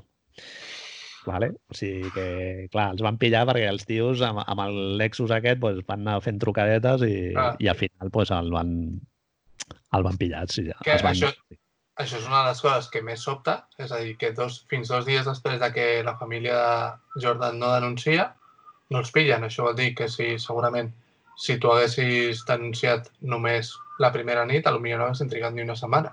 Sí, sí, sí home. Va, aquests tios ja portaven diversos dies fent, fent trucades des d'allà. Però clar, això, això et fa pensar, és una de les coses que aixeca una mica aquesta idea conspiranoica, no? Per què la família Jordan triga tant en denunciar? Sí, això ho parlarem després. Sí, sí, comentem la, la mare del, del Jordan, la Dolores. Dolores. eh, ho comenta i tal. Bé, l'acusació del, del condat de, de Robeson es basa en el testimoni del Demery, que diu que el, el James Jordan el van disparar a quemarropa quan estava a dins del cotxe. Vale? En l'informe forense Sí, no es, no es mostren en la sortida de la bala ni rastres de sang a dins del cotxe ni restes del tret. O sigui, dins del, del cotxe, que això sí que ho van poder analitzar, vale. no hi ha ni el forat de sortida de la bala en el, en el seient, ni rastres de sang dins del, del cotxe, ni restes del tret. Acabo de repetir exactament el mateix que, que he dit, però bueno, lo, lo, ho dic una altra vegada. vale? En un principi, els investigadors van sortir per la tele dient que ells creien que havia sigut assassinat a fora del vehicle i que després el van ficar dins. Informació que després eh, va quedar contradita, diguéssim. Eh, clar, el fet que, que no hi hagi restes de sang dins del cotxe contradiu això que ens has explicat sempre, no? que, el, que el pare del Jordan el van sorprendre mentre estava dormint al cotxe, clar, li volien robar el cotxe o les pertinences que van veure que portava a dintre i se'l van carregar allà mateix. O sigui, el rotllo aquest de que no hi hagi, no hi hagi sang a dintre, una, una mica estrany. Sí, és molt raro. També es comenta en l'article eh, que el forat que tenia a samarreta no coincideix amb el punt d'entrada de la bala eh, per uns 15 centímetres de distància. O sigui, el Demery Oh. aquest va, va explicar des d'on havien disparat Vale. i la, el forat que tenien a la samarreta es veu que estava més a baix, o sigui, uns 15 centímetres, o sigui que s'hauria d'haver mogut la samarreta cap a dalt o hi ha un forcejeo o no sé. The Magic Bullet Theory, una mica. Sí, o portava la samarreta mal posada, jo què sé. Eh, Ja- Es veu que la samarreta aquesta també es veu que després de que trobessin el cos i es fes anàlisi forense i tal, també va fer un recorregut que, segons els advocats defensors del, del Green, que és el xaval aquest que està demanant la repetició del, del judici, també hi ha sospites de que, no, de que es va fer un forat que no estava en el, en el primer anàlisi forense del, de la prenda. Mhm. En sí que no, que, el, que un, ells deien que el forat que tenia restes de pólvora era el que estava més a baix, després van dir que era el que estava més a dalt i es veu que hi ha un, una part del trànsit d'aquesta prenda que és, que es veu que no està ben determinat. Bueno. Vale. Després, es veu que els hi fan el rastreig de les trucades, que es fan des Ara, de... ara, Manel, aquí és on comença ja directament. Si, Sí. si, si fins aquí ens han seguit, perquè hem, era datos així com más fríos, ara és quan comença una mica aquí tot lo inverosímil. No? bueno, entra, entra un xaval que és eh, traficante de cocaïna. Perfecte, que es diu Hubert Larry Diss. Exactament. Es rastregen les trucades que es fan des del Lexus i es demostra que la primera trucada que es fa des del cotxe, just després d'haver llançat el cos al, al llac, Bien. eh, des del cotxe es truca a un trio, a un tio que es diu Hu- Hubert és aquest, aquest que deies tu, que és un, un tio que és traficant de cocaïna. I explica'm, que i, és, dos, anys, és, dos anys després el van condemnar per tràfic de cocaïna i tal. i que i- resulta que és fill d'algú, no? És un tio que és fill biològic de Hubert Stone, que és, ojo, el xèrif de Robeson County, encarregat de la investigació. D'aquesta investigació, eh? Sí, sí. És a dir, no, perdona, que quedi clar. És a dir, el fill de la persona que ha de fer la investigació sobre la mort del pare de Michael Jordan és a la primera persona que les persones que han disparat a Michael Jordan truquen. Sí. Bien, Des del, des del cotxe del, de la víctima. bien. Vale? Doncs això que fa tan, tanta pudor i tal, es veu que el, amb el xaval aquest ningú el va entrevistar, ni se'l va interrogar, ni, ni, ni se li va preguntar sobre la seva possible implicació en el, en el crim, ni res de tot això. El. Demery, el Demery aquest tenia molta relació amb el, amb el DIS, que és el Mm. traficant aquest, perquè eh, havia tingut també tràfic de drogues i tal, i va, això segons el Green, eh, que, és, que, Sí, està, sí, sí. que tenia una relació molt propera i tal. Eh, el traficant aquest, el, el que va rebre la trucada des del Lexus, Hubert Larry Diss. eh, també era amic del Amic. detectiu encarregat amb el cas. Molt és un tio amb el que l'havien vist en, en cotxe, pel poble i tal. Molt bé. I el Green aquest comenta que el, que el Demery era una mula del, del DIS, el traficant que era com més... més eh, tenia una jerarquia més, més amunt i que estava molt relacionat amb un càrtel de Nova York, raó per la qual després va, ser, va acabar sent empresonat, diguéssim, durant, durant 10 anys va estar, va estar a presó. Fem un petit, un moment, perdona, fem un petit resum perquè no s'hagi perdut. Demery era la- l'altra persona que està amb aquest senyor Green que ens està servint de vehicle narratiu de tot aquest fet i Hubert Són els dos Diss, xavals que estan a la presó pel, per l'assassinat del James Jordan. Hu- Hubert Larry Diss, recapitulem, és el fill del xèrif encarregat de la investigació i resulta que té relació amb, amb l'investigador principal i amb un càrtel de droga de Nova York. Sí. Bé, si hasta aquí, ja, ara, si les, si les palomites ja han sigut suficient, no? Ja, vinga. Els advocats del Green proposen un relat diferent del d'un robo d'aquests per, per robar-li el cotxe, no? Vale. Diuen, diuen que el Demery, el Dis i algú més estarien fent una transacció relacionada amb la droga quan es van trobar el pare del Michael Jordan al, al pàrquing. Uh -huh. vale? i llavors el van, o el, es van, el van veure que havia estat veient tot això i perquè no es xivés i tal, se'l van carregar, uh -huh. o que el van confondre amb alguna altra persona i que el van, el, el, van, el van matar pensant que era aquesta altra persona. Aquest és el relat alternatiu, diguéssim, que proposen els, els advocats del, del Green. Vale? A, aquests dos xavals, ara ja parlant una mica amb els antecedents de qui són aquests, aquests dos mendundis, eh, són, tenien 18 i 17 anys en el seu moment i tenien camí de portar un carreron delictiu realment eh, descontroladíssim. Es veu que durant aquell estiu eh, després eh, les investigacions van demostrar que havien participat en almenys dos robatoris amb armes vale. i en un d'ells, el tio aquest, el Demery, eh, li va fotre una hòstia al cap amb un totxo a una, a una senyora a la que, a la que van robar. Ho estava llegint. O sigui, que no se andaven con chiquitas. A una senyora gran. Sí, sí. Eh? Elderly woman, Marc. Diuen al, a l'article del Chicago Tribune, tio, que ja li fots una hòstia ben donada, ja quasi que la mates, ja amb un totxo sí que... ja no sé què fots. Sí, sí. sí, sí. Eh, un dels policies que, que van entrevistar els al Chicago Tribune i tal, diu que el líder del crim, o sigui, dels dos, el que tenia la personalitat més forta és el Daniel Green. Curiosament, és la persona que ha estat parlant, és la persona que ens sí. ha estat explicant tot això, eh? Sí. Eh, I diuen que, que el fet de que dies després sortís el vídeo amb les joies i tot això i que, i que anés amb el Lexus, per, es veu que anava, el tio es movia pel, per la seva població, que no, no ho comenten, però es movia amb el Lexus i tal, anava amb l'altre i amb les nòvies, i el que conduïa, diu el tio aquest de, de Robson County, el dels policies, diu que el que conduïa era el, el Daniel Green. O sigui que això demostra que era el que tenia la personalitat més forta dels dos. De fet, diuen que l'arma que van trobar que, que, que sospiten que era amb la que es va fer l'assassinat, que era una Smith Wesson, era pertanyia al Green i no al Demery. El que passa que les proves de balística no van, no van ser concloents i no van poder demostrar que, que era, el, que era aquesta arma amb la que es va fer el d'allò, perquè el cos estava ja fet caldo i, bueno, i el van haver d'incinerar superràpid perquè estava ah, en descomposició.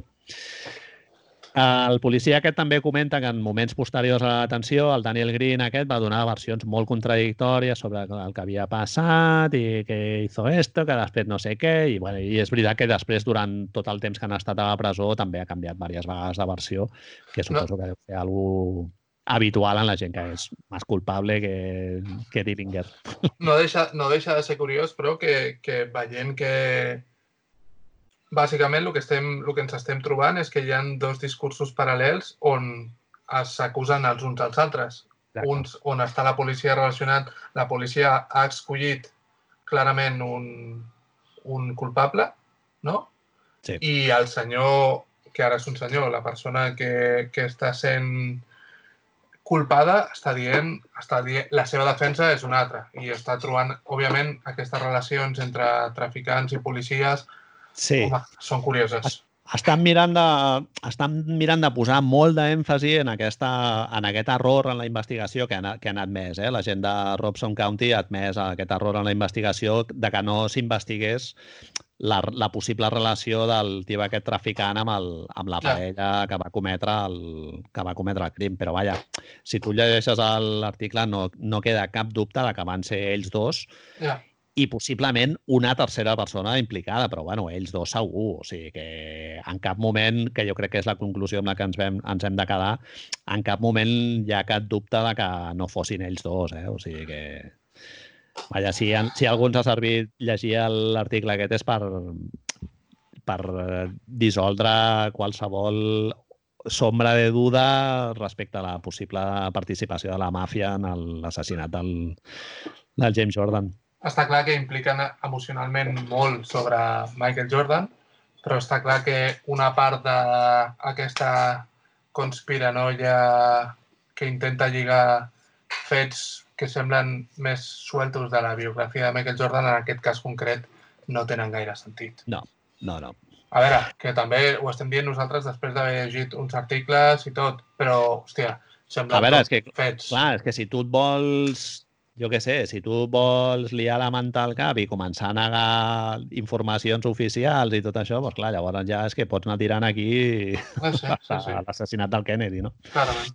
Bueno, molt interessant també en l'article comenten que la Oprah Winfrey va ser la primera periodista que li va fer l'entrevista al Jordan després de la mort del, del seu pare. Està a YouTube, és a dir, ja la linkarem perquè jo he vist, ho he vist Perfecte. abans que comencéssim, és, és bastant guai. Molt bé, no ho sabia. I es veu que la Winfrey, en l'article sorprenen de que la Winfrey posa bastant d'èmfasi en aquestes preguntes que es feia a tothom, no? de, de per què el James Jordan, en lloc d'agafar un motel, pues, eh, es queda allà a la cuneta de la carretera fent una cabezadita abans de, de fer un, una tirada de, de quasi 3 hores fins a, fins a casa seva i sobretot es pregunta per què van trigar 3 setmanes en, en notificar la seva desaparició. No? El Jordan es veu que comenta que el seu pare era algú molt independent Sí, sí, surt el mateix. A de les dents surt també, es parla d'això, que és una de les coses que a mi em va fer aixecar una cella, perquè independent jo entiendo otra cosa, Manel, però Clar. bueno, entiéndeme, entiéndeme, no, fa, no cal que ho diguem. Sí, sí. I, exacte. Bueno, pot, pot significar moltes coses. Pot significar Totalment. que, que els dimarts a la tarda li agrada anar a jugar a bàsquet amb els seus amigos, no? Correcte. Clar, depèn de la noció de dependència que tinguis. Ara, que jo desaparegui un, un ésser estimat i durant 21 dies, tio, o sigui, vol dir que era molt independent. O sigui, que com a mínim alguna vegada abans havia havia desaparegut completament del, del mapa durant 21 dies. Correcte. I diu que sovint necessitava temps per si mateix. També diu, contràriament al que crec recordar que es diu al documental, que al principi la mare no es va preocupar i que això va tranquil·litzar el Michael Jordan. Uh. -huh. Diu, era una relació que ella sabia millor que jo eh, com era. Però clar, jo el documental crec, crec que diu que diu quan la meva mare ja es va preocupar i tal, va ser quan, Sí, sí, sí. sí. quan Clar, jo ja... el que passa és que a lo millor es va preocupar el dia 21, saps? Ja, vale. Clar, no ho havia pensat. Sí, sí.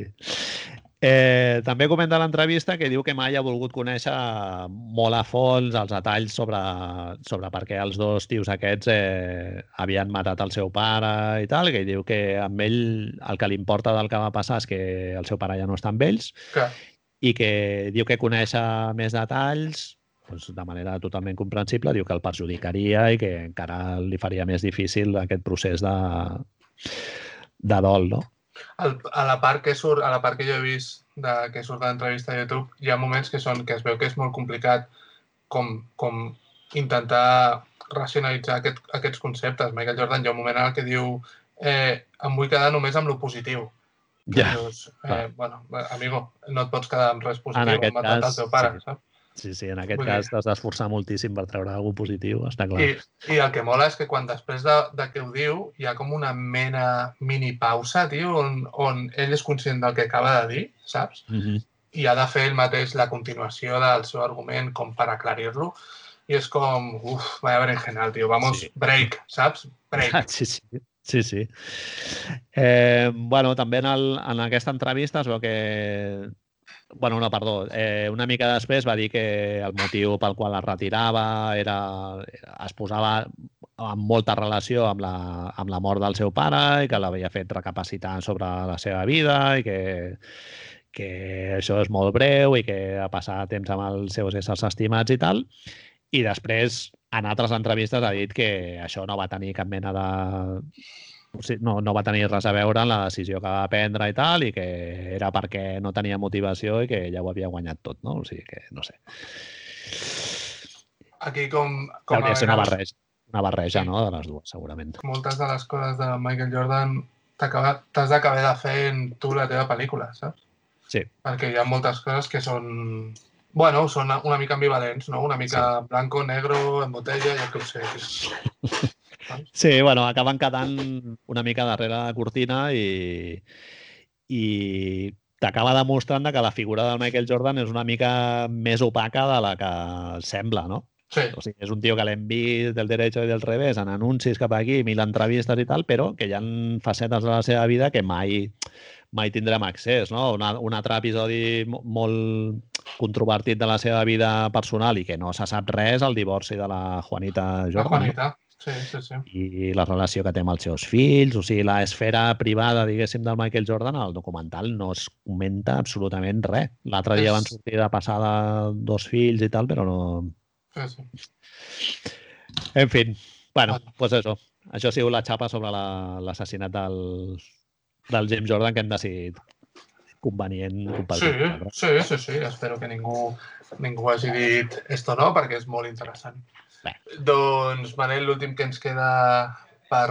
bueno, l'últim no sé ara mateix, però crec que el punt més important que ens queda per parlar-ne és si la gran hipòtesi, la gran pregunta, la gran cosa que ens han venut, no? Ara que ho penso des del, des del tota la promoció d'aquest documental, és si Michael Jordan podem dir obertament que era un gilipolles i un abusón. Exactament. Eh, psicologia, no? Eh, Comença però, la dit- classe, sí, Dit, correcte. dit així, en terminos una mica més de barrio, seria si era un gilipolles i un abusón o un, un bully, no?, que es diu en anglès i tal. En anglès. Eh, Marc, si fos un jurat del X Factor, no? jo diria it's a strong yes from me. Va, eh, jo, el gran resum de tot això és com, crec, eh, com persones de més de dos metres i més de 100 quilos no li han trencat la cara abans, Ah. no? Ah, li diu bitch amb l'Scott Burrell, no? Li diu, yo bitch. Sí, no, Ah, això a està, lo- està tot el rato, però tu dius... A l'Udonis Haslem jo vaig sentir l'altre dia, diu, diu, a veure, diu, jo ni Michael ni polles en vinagre, eh? Diu, a Home. mi, a mi, diu, don't call me names. No sé què diu, que collons t'ha d'insultar algú, això ara, bueno, hi ha gent, tio, que no els porta gaire bé els insults, eh? Tu t'imagines, Sí. Manel, Marquif Morris en un vestidor amb... o Marcus Morris en un vestidor amb aquest noi i que de sobte et comença a fer tot això Michael Jordan? És que jo crec que, que li arranca un ull, eh? Hauria problemes, sí. Volarien Vull dir- cadires, no? Platos de sopa volant, Sí, no? sí, sí, sí. Ah, exacte, és a dir, no ho sé, és aquesta...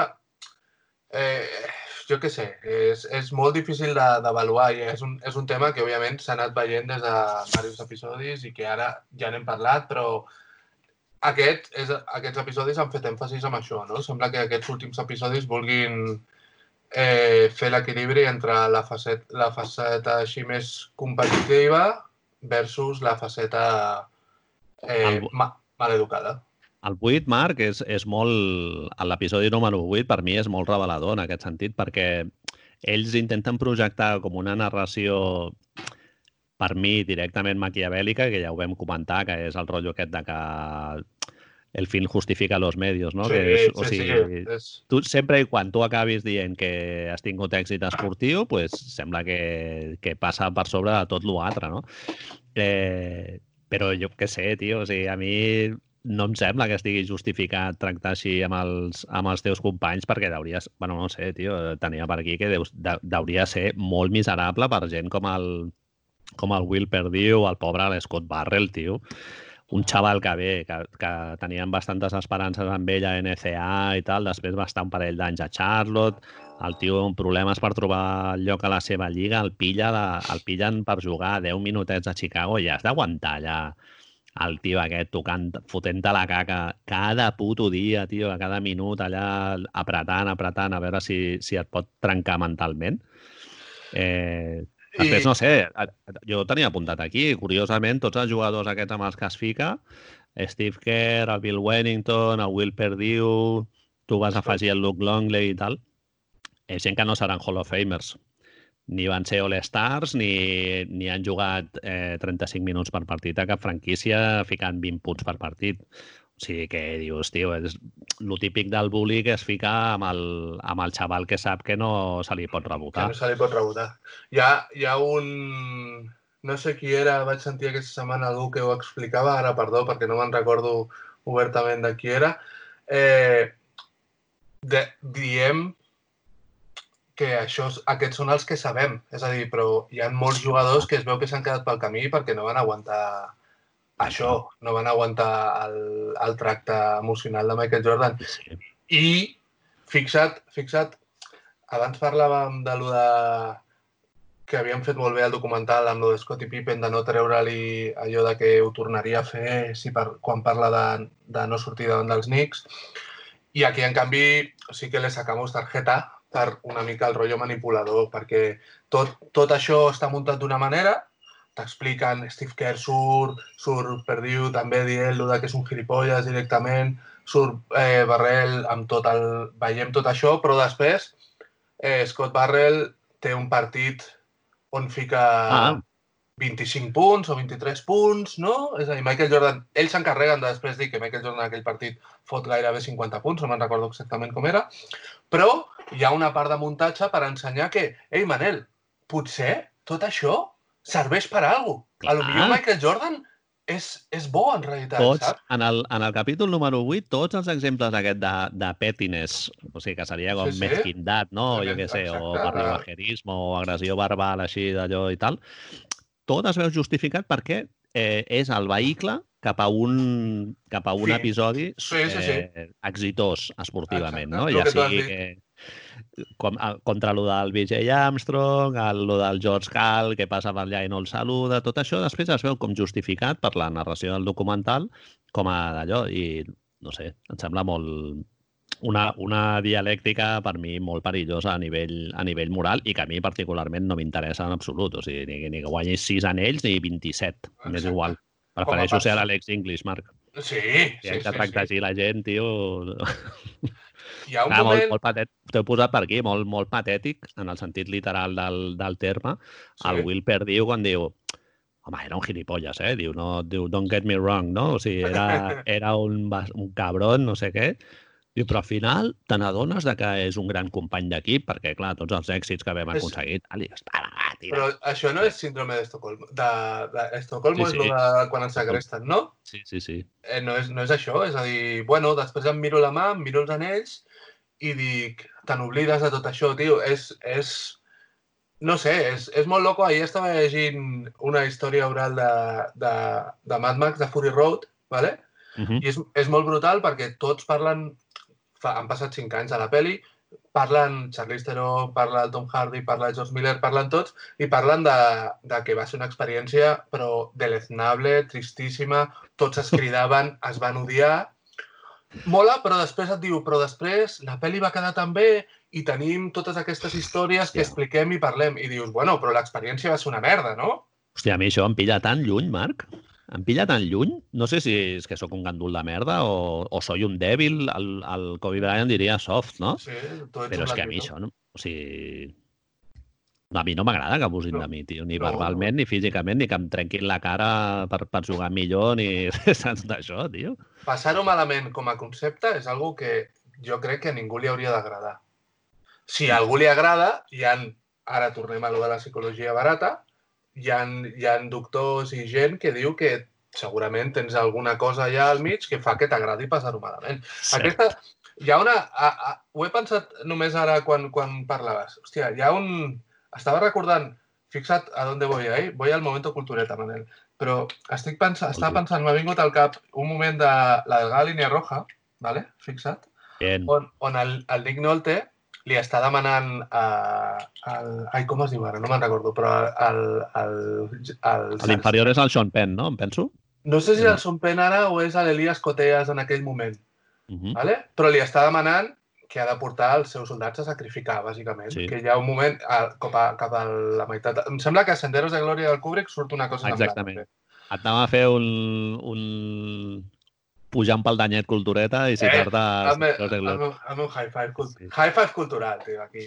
A les, a les, a les, a aquestes hores que estem fent, no? Eh, i, I hi ha el moment on el, el que a les dues pel·lis crec recordar que el que passa és que la persona en qüestió, el, el, els Coteas i l'altre, hòstia, tenen un conflicte molt seriós perquè han de portar tots els seus soldats a, a la muerte, no? Saben que és una missió la que sacrificaran el 70% del pelotón, no? Sí, sí. A canvi, aconseguiran un, un, un bé superior, es suposa. Però el que mola d'aquells moments, aquelles narracions, és que veiem el conflicte que tenen. Ja facin el que facin, eh? òbviament, com són pel·lícules, decideixen no fer-ho i no sabem si la història real és, és així o no. Hi ha gent que decideix fer-ho. En aquest cas, Michael decideix fer-ho. Però el que jo no trobes a faltar al moment aquest on, on Michael pot reflexionar sobre si el que està fent és dolent? Perquè Totalment. sempre, sempre està dient no, no, es que es por un fin, es que ellos no querían ganar como yo, es que no sé què. Ja, tio, però Bueno. en cap moment vas dubtar si, si estaves destrossant la vida de Scott Barrell o el que fos. I a, a mi hi ha un moment que em sorprèn molt, lo de l'Steve Kerr, que m'ho va fer notar el, el Gerard, que m'envia un Increïble, i tal. tio, increïble. Amb lo de l'Steve Kerr, el tio està, se n'adona que ho ha fet malament, no perquè hagi cascat a un company i tal, sinó perquè s'ha fotut amb el més baixet. Sí, sí, sí, sí, que sí, no és... no m'he fotut amb un que és igual a mi i tal, no? I dius, tio, no és això el que hauries de- d'haver tret de conclusió del racó de pensar, sinó que no es pega. no es pega als teus, als teus companys d'equip, tio. O sigui, no... És, és aquest moment on el, el, la teva filla o el teu fill, la teva germà, el qui sigui, torna a casa, t'ha explicat que s'ha barallat i tu, com a, com a persona una mica més gran, intentes fer-li raonar per què és el que ha estat bé, què és el que ha estat malament, i no hi ha manera. Sempre serà... Sempre serà, no? A més, tu em deies un altre, un altre element en comú entre totes les, entre cometes, víctimes de Michael Jordan, no? Steve una... Bill Wellington, Will Perdue... Barrel és Luke l'únic que surt.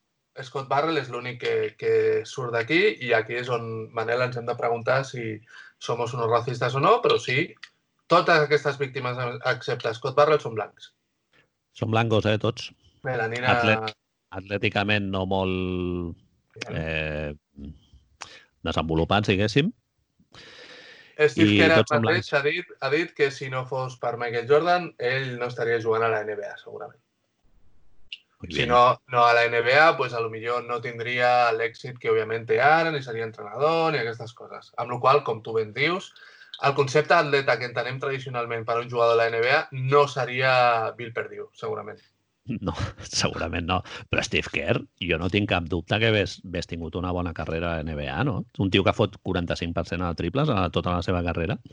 L'hem vist sense, sense el Michael Jordan al costat i ho va fer molt bé, tio. Eh, eh, aquesta és una de les altres coses que et fa pensar el influx mental i emocional que aquest senyor portava sobre els seus companys.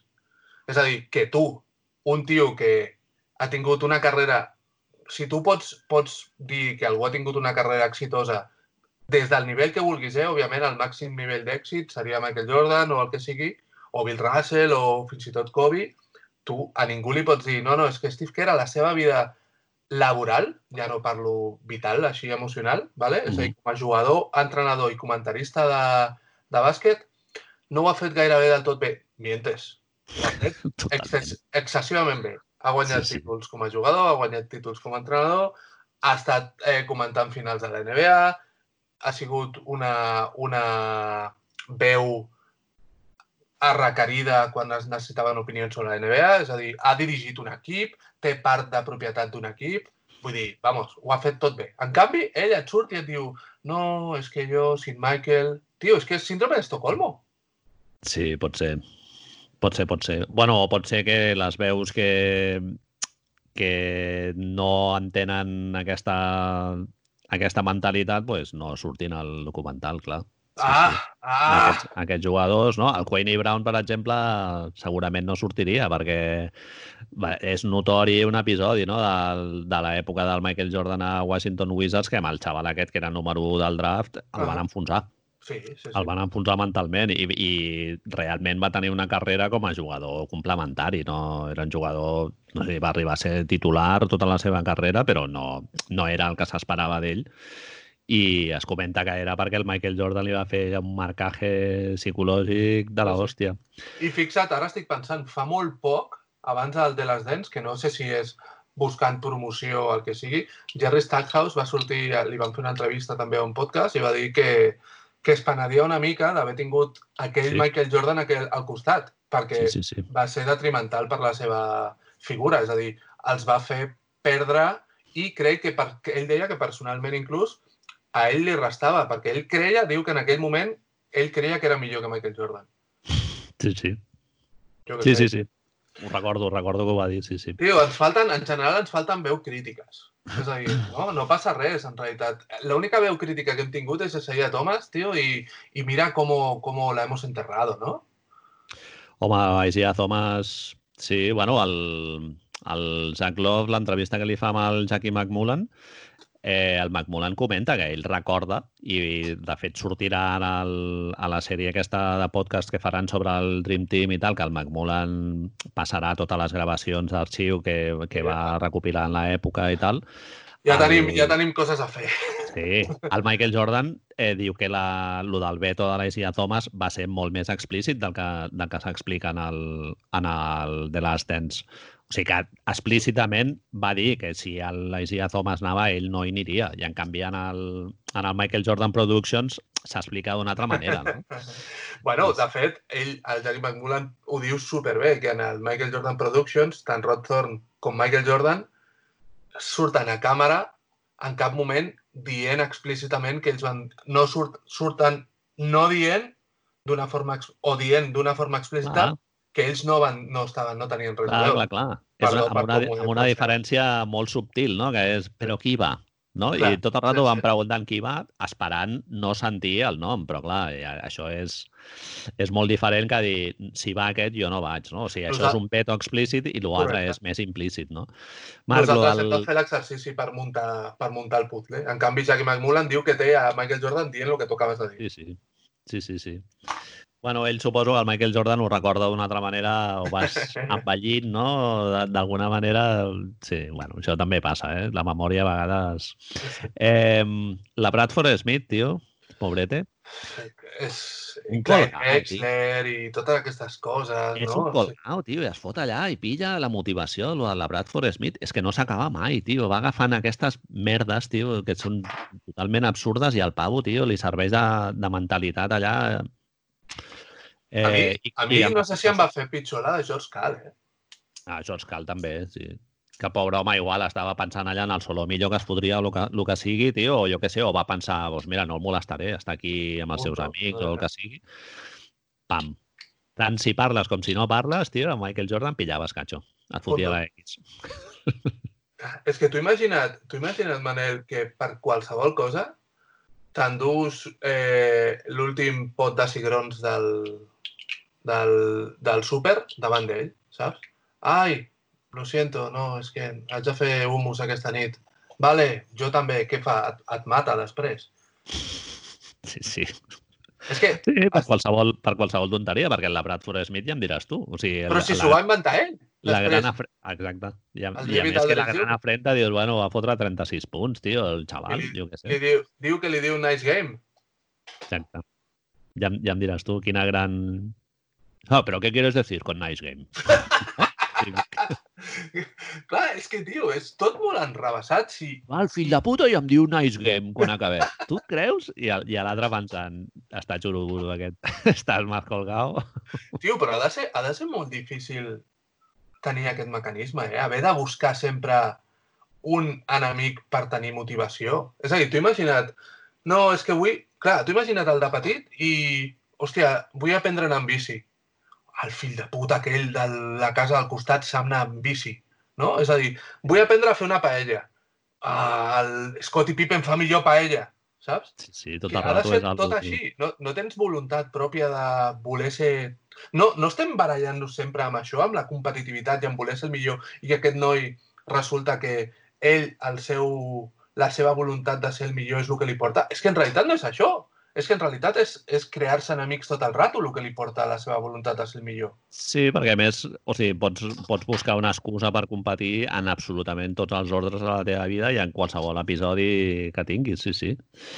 Eh, molt heavy. Els dos episodis aquests que han transcendit, en què el Jordan va... Dos, eh, Marc? Dos Oh. episodis que, que sapiguem que no és, no és que li hagi passat una vegada i el tio, jo què sé, fes un acte de contricció i aprengués com, com s'ha de funcionar per la vida, com t'has de relacionar amb els teus, amb els teus pròximos. Eh, dos vegades que li ha passat que ha agredit eh, físicament a, a dos companys, no? el Will Perdue i el Steve Kerr, Eh? sense comptar les agressions verbals. Eh?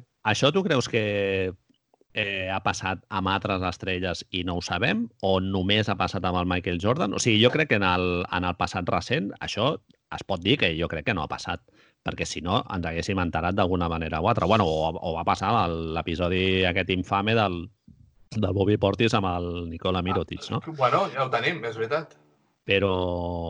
I, bueno, i estic pensant que tampoc no...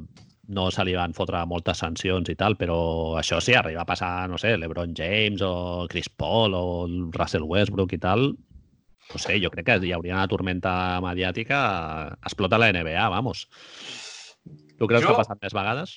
En, antigament estic convençut, de fet, ara, ara, hòstia, és que em sap molt greu haver un altre cop parlar de, de memòria i, i oblidar-me perquè no m'ho vaig apuntar, però eh, vaig sentir, aquesta setmana vaig sentir un cas de, de Larry Bird fent-li el mateix a algú, que, que el van fer fora dels Celtics. Entre ell i... Entre Kevin McHale i ell van fer fora dels Celtics un paio, que ara no me'n recordo qui és, algun alto blanco, eh, ho estic buscant mentre parlem, així que no, mm -hmm. ja, ja ho posarem. I, ah, i, no ho coneixia. I, i amb lo que, amb lo que, amb l'actualitat, tu no creus? És a dir, tu, me'n recordo quan va, em van plantejar això la primera vegada, tu creus, em deies el que, el, que, el que acabes de dir ara, no? que, que és a dir, que la NBA en teoria no permetrà això. No creus que precisament aquest discurs de Michael Jordan està tan arrelat dins de la tradició NBA que és que els jugadors, hi han jugadors que volen ser superestrelles que en certa manera ho deuen fer per ser, això? És a dir, Kobe Bryant, jo estic segur que, lo, que l'Ebron ha fet, ha abusat verbalment de jugadors, perquè van veure la reacció final contra G amb J.R. Smith en aquell moment, quan li dona el desto, mm. que, que, que clar, s'ha convertit en un meme i J.R. Smith fot una bloquejada mental increïble. Però... Sí, que és, sí que és veritat que la NBA mai s'ha preocupat de condemnar aquest tipus de, de perfil, no? O sigui, eh, tant amb el Kobe Bryant com amb el, amb el Jordan. I, bueno, i, i és veritat, Marc, que si tu vols guanyar molts, molts títols has de tenir un esperit competitiu mm, vaya subratlladíssim, no? Però, Això clar, està claríssim dintre d'uns termes de respecte per la, pels, pels companys, que jo crec que en aquests dos casos del Michael Jordan, clar, el del, el del LeBron James per mi és una línia que està bastant més a baix que, que agredir físicament o, o com veiem lo de l'Scott Barrel i tal, no? S'hauria de veure la relació que té el LeBron James amb els, amb els companys, així com, els, com, com parla amb ells durant els entrenaments i tal. El que passa és que LeBron James sí que fa aquesta cosa de que fa camaraderia i els agafa i els regala eh, telèfons Samsung i els hi regala gambes i els hi regala rellotges i, i fa els sopars i eh, el club del vino i totes aquestes coses. Jo crec que ell és molt més, molt més eh, diplomàtic en aquest sentit. Ara, mm. també t'haig de dir, Manel, no sé quina diferència real, bueno, sí que sé quina diferència real hi ha, eh, però podríem dir a lo millor que hi ha certa relació amb aquests comportaments i el de sobte anar-li al teu general manager i dir que has de tradejar mig equip perquè no estàs a gust amb aquests tios i vols ah, però, jugar amb nosaltres. Però això, Marc, això sí que és borratxera d'ego, que bé, que això I sí negocio. que és superdifícil, clar, això és superdifícil de parar-ho quan ets el puto kie. Correcte. O sigui, quan tu fots 28 punts per partit, 8 rebots, 7 assistències, és molt difícil que no et creguis que ets el rei del mambo. Correcte. No? I que saps lo que, els moviments que s'han de fer i tal. Això jo crec que sí que és un preu que s'ha de pagar que, que d'allò... Una altra cosa, Marc, que no hem comentat i que m'agradaria per compensar una mica el, el retrat psicològic del Michael Jordan i que és algo que també surt en el documental, que és un líder que també lidera amb l'exemple. Ah, això sí. És un pavo, és un, I que això crec que tant el Kobe Bryant com el LeBron James també ho han agafat, no? O sigui, que són el, això que diu al final del, del setè episodi de que cap, cap company podrà dir que, que li estava demanant alguna que jo no donava, no? Que sí que és veritat que sempre són els primers en l'entrenament, en el, quan estan fent la curs naveta aquella és el que s'esforça més, no? I no sé si mogut per aquest esperit competitiu o el que sigui, però sí que és veritat que lideren amb l'exemple, no? Són els, els tios més esforçats. Una cosa et porta a l'altra, no? Clar, si, si ja després, si li has de pagar un cop de puny a un company, si després no és la persona Tu imagina't que el que estiguéssim veient ara és a Steve Kerr dient però és que després de donar-me el cop de puny, el fill de puta es va seure allà ja, ja. i mentre tots feien flexions, el tio estava allà rient-se a nosaltres. Clar, Clar, llavors no quedaria compensat, no? I discurs... suposo que ells veurien només el maltractador i no, i no el, la, la, el retrat complet. Que tens raó, eh? Que, òbviament, eh, l'esperit competitiu de Michael Jordan, ja sigui per aquesta necessitat de quedar-se amics o per la seva pròpia voluntat li feia esforçar-se al màxim i segurament més del que fes qualsevol dels seus companys. Una de les primeres coses que veiem en aquest documental al primer episodi és que quan ell arriba que ja et fa parlar, en aquell moment dius, ja, ja, ja, que majo, quan és un rookie i arriba el primer entrenament dels Bulls, ell el que diu és, vaig a identificar qui és el millor jugador, qui és el que està a la meva posició i vaig a per ell.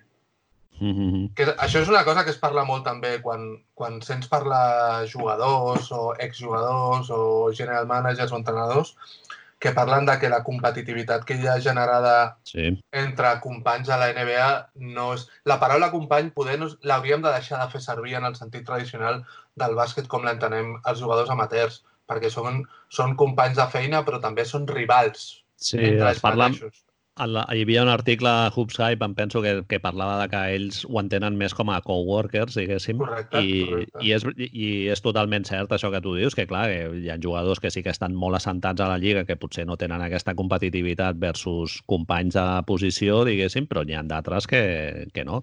bueno, a, jugar. al, als anys que va estar el Sergio Rodríguez a Portland, Mhm. van transcendir episodis que ell va tenir baralles amb el Jarrett Bayless i tal perquè era el, el jugador amb el que ell s'estava dis, disputant la posició i, i clar, hi ha jugadors que s'estan jugant el seu futur professional. arrofes, sí, sí. Ara, ara ja hem arribat a un temps, clar, tu imagina't com seria això.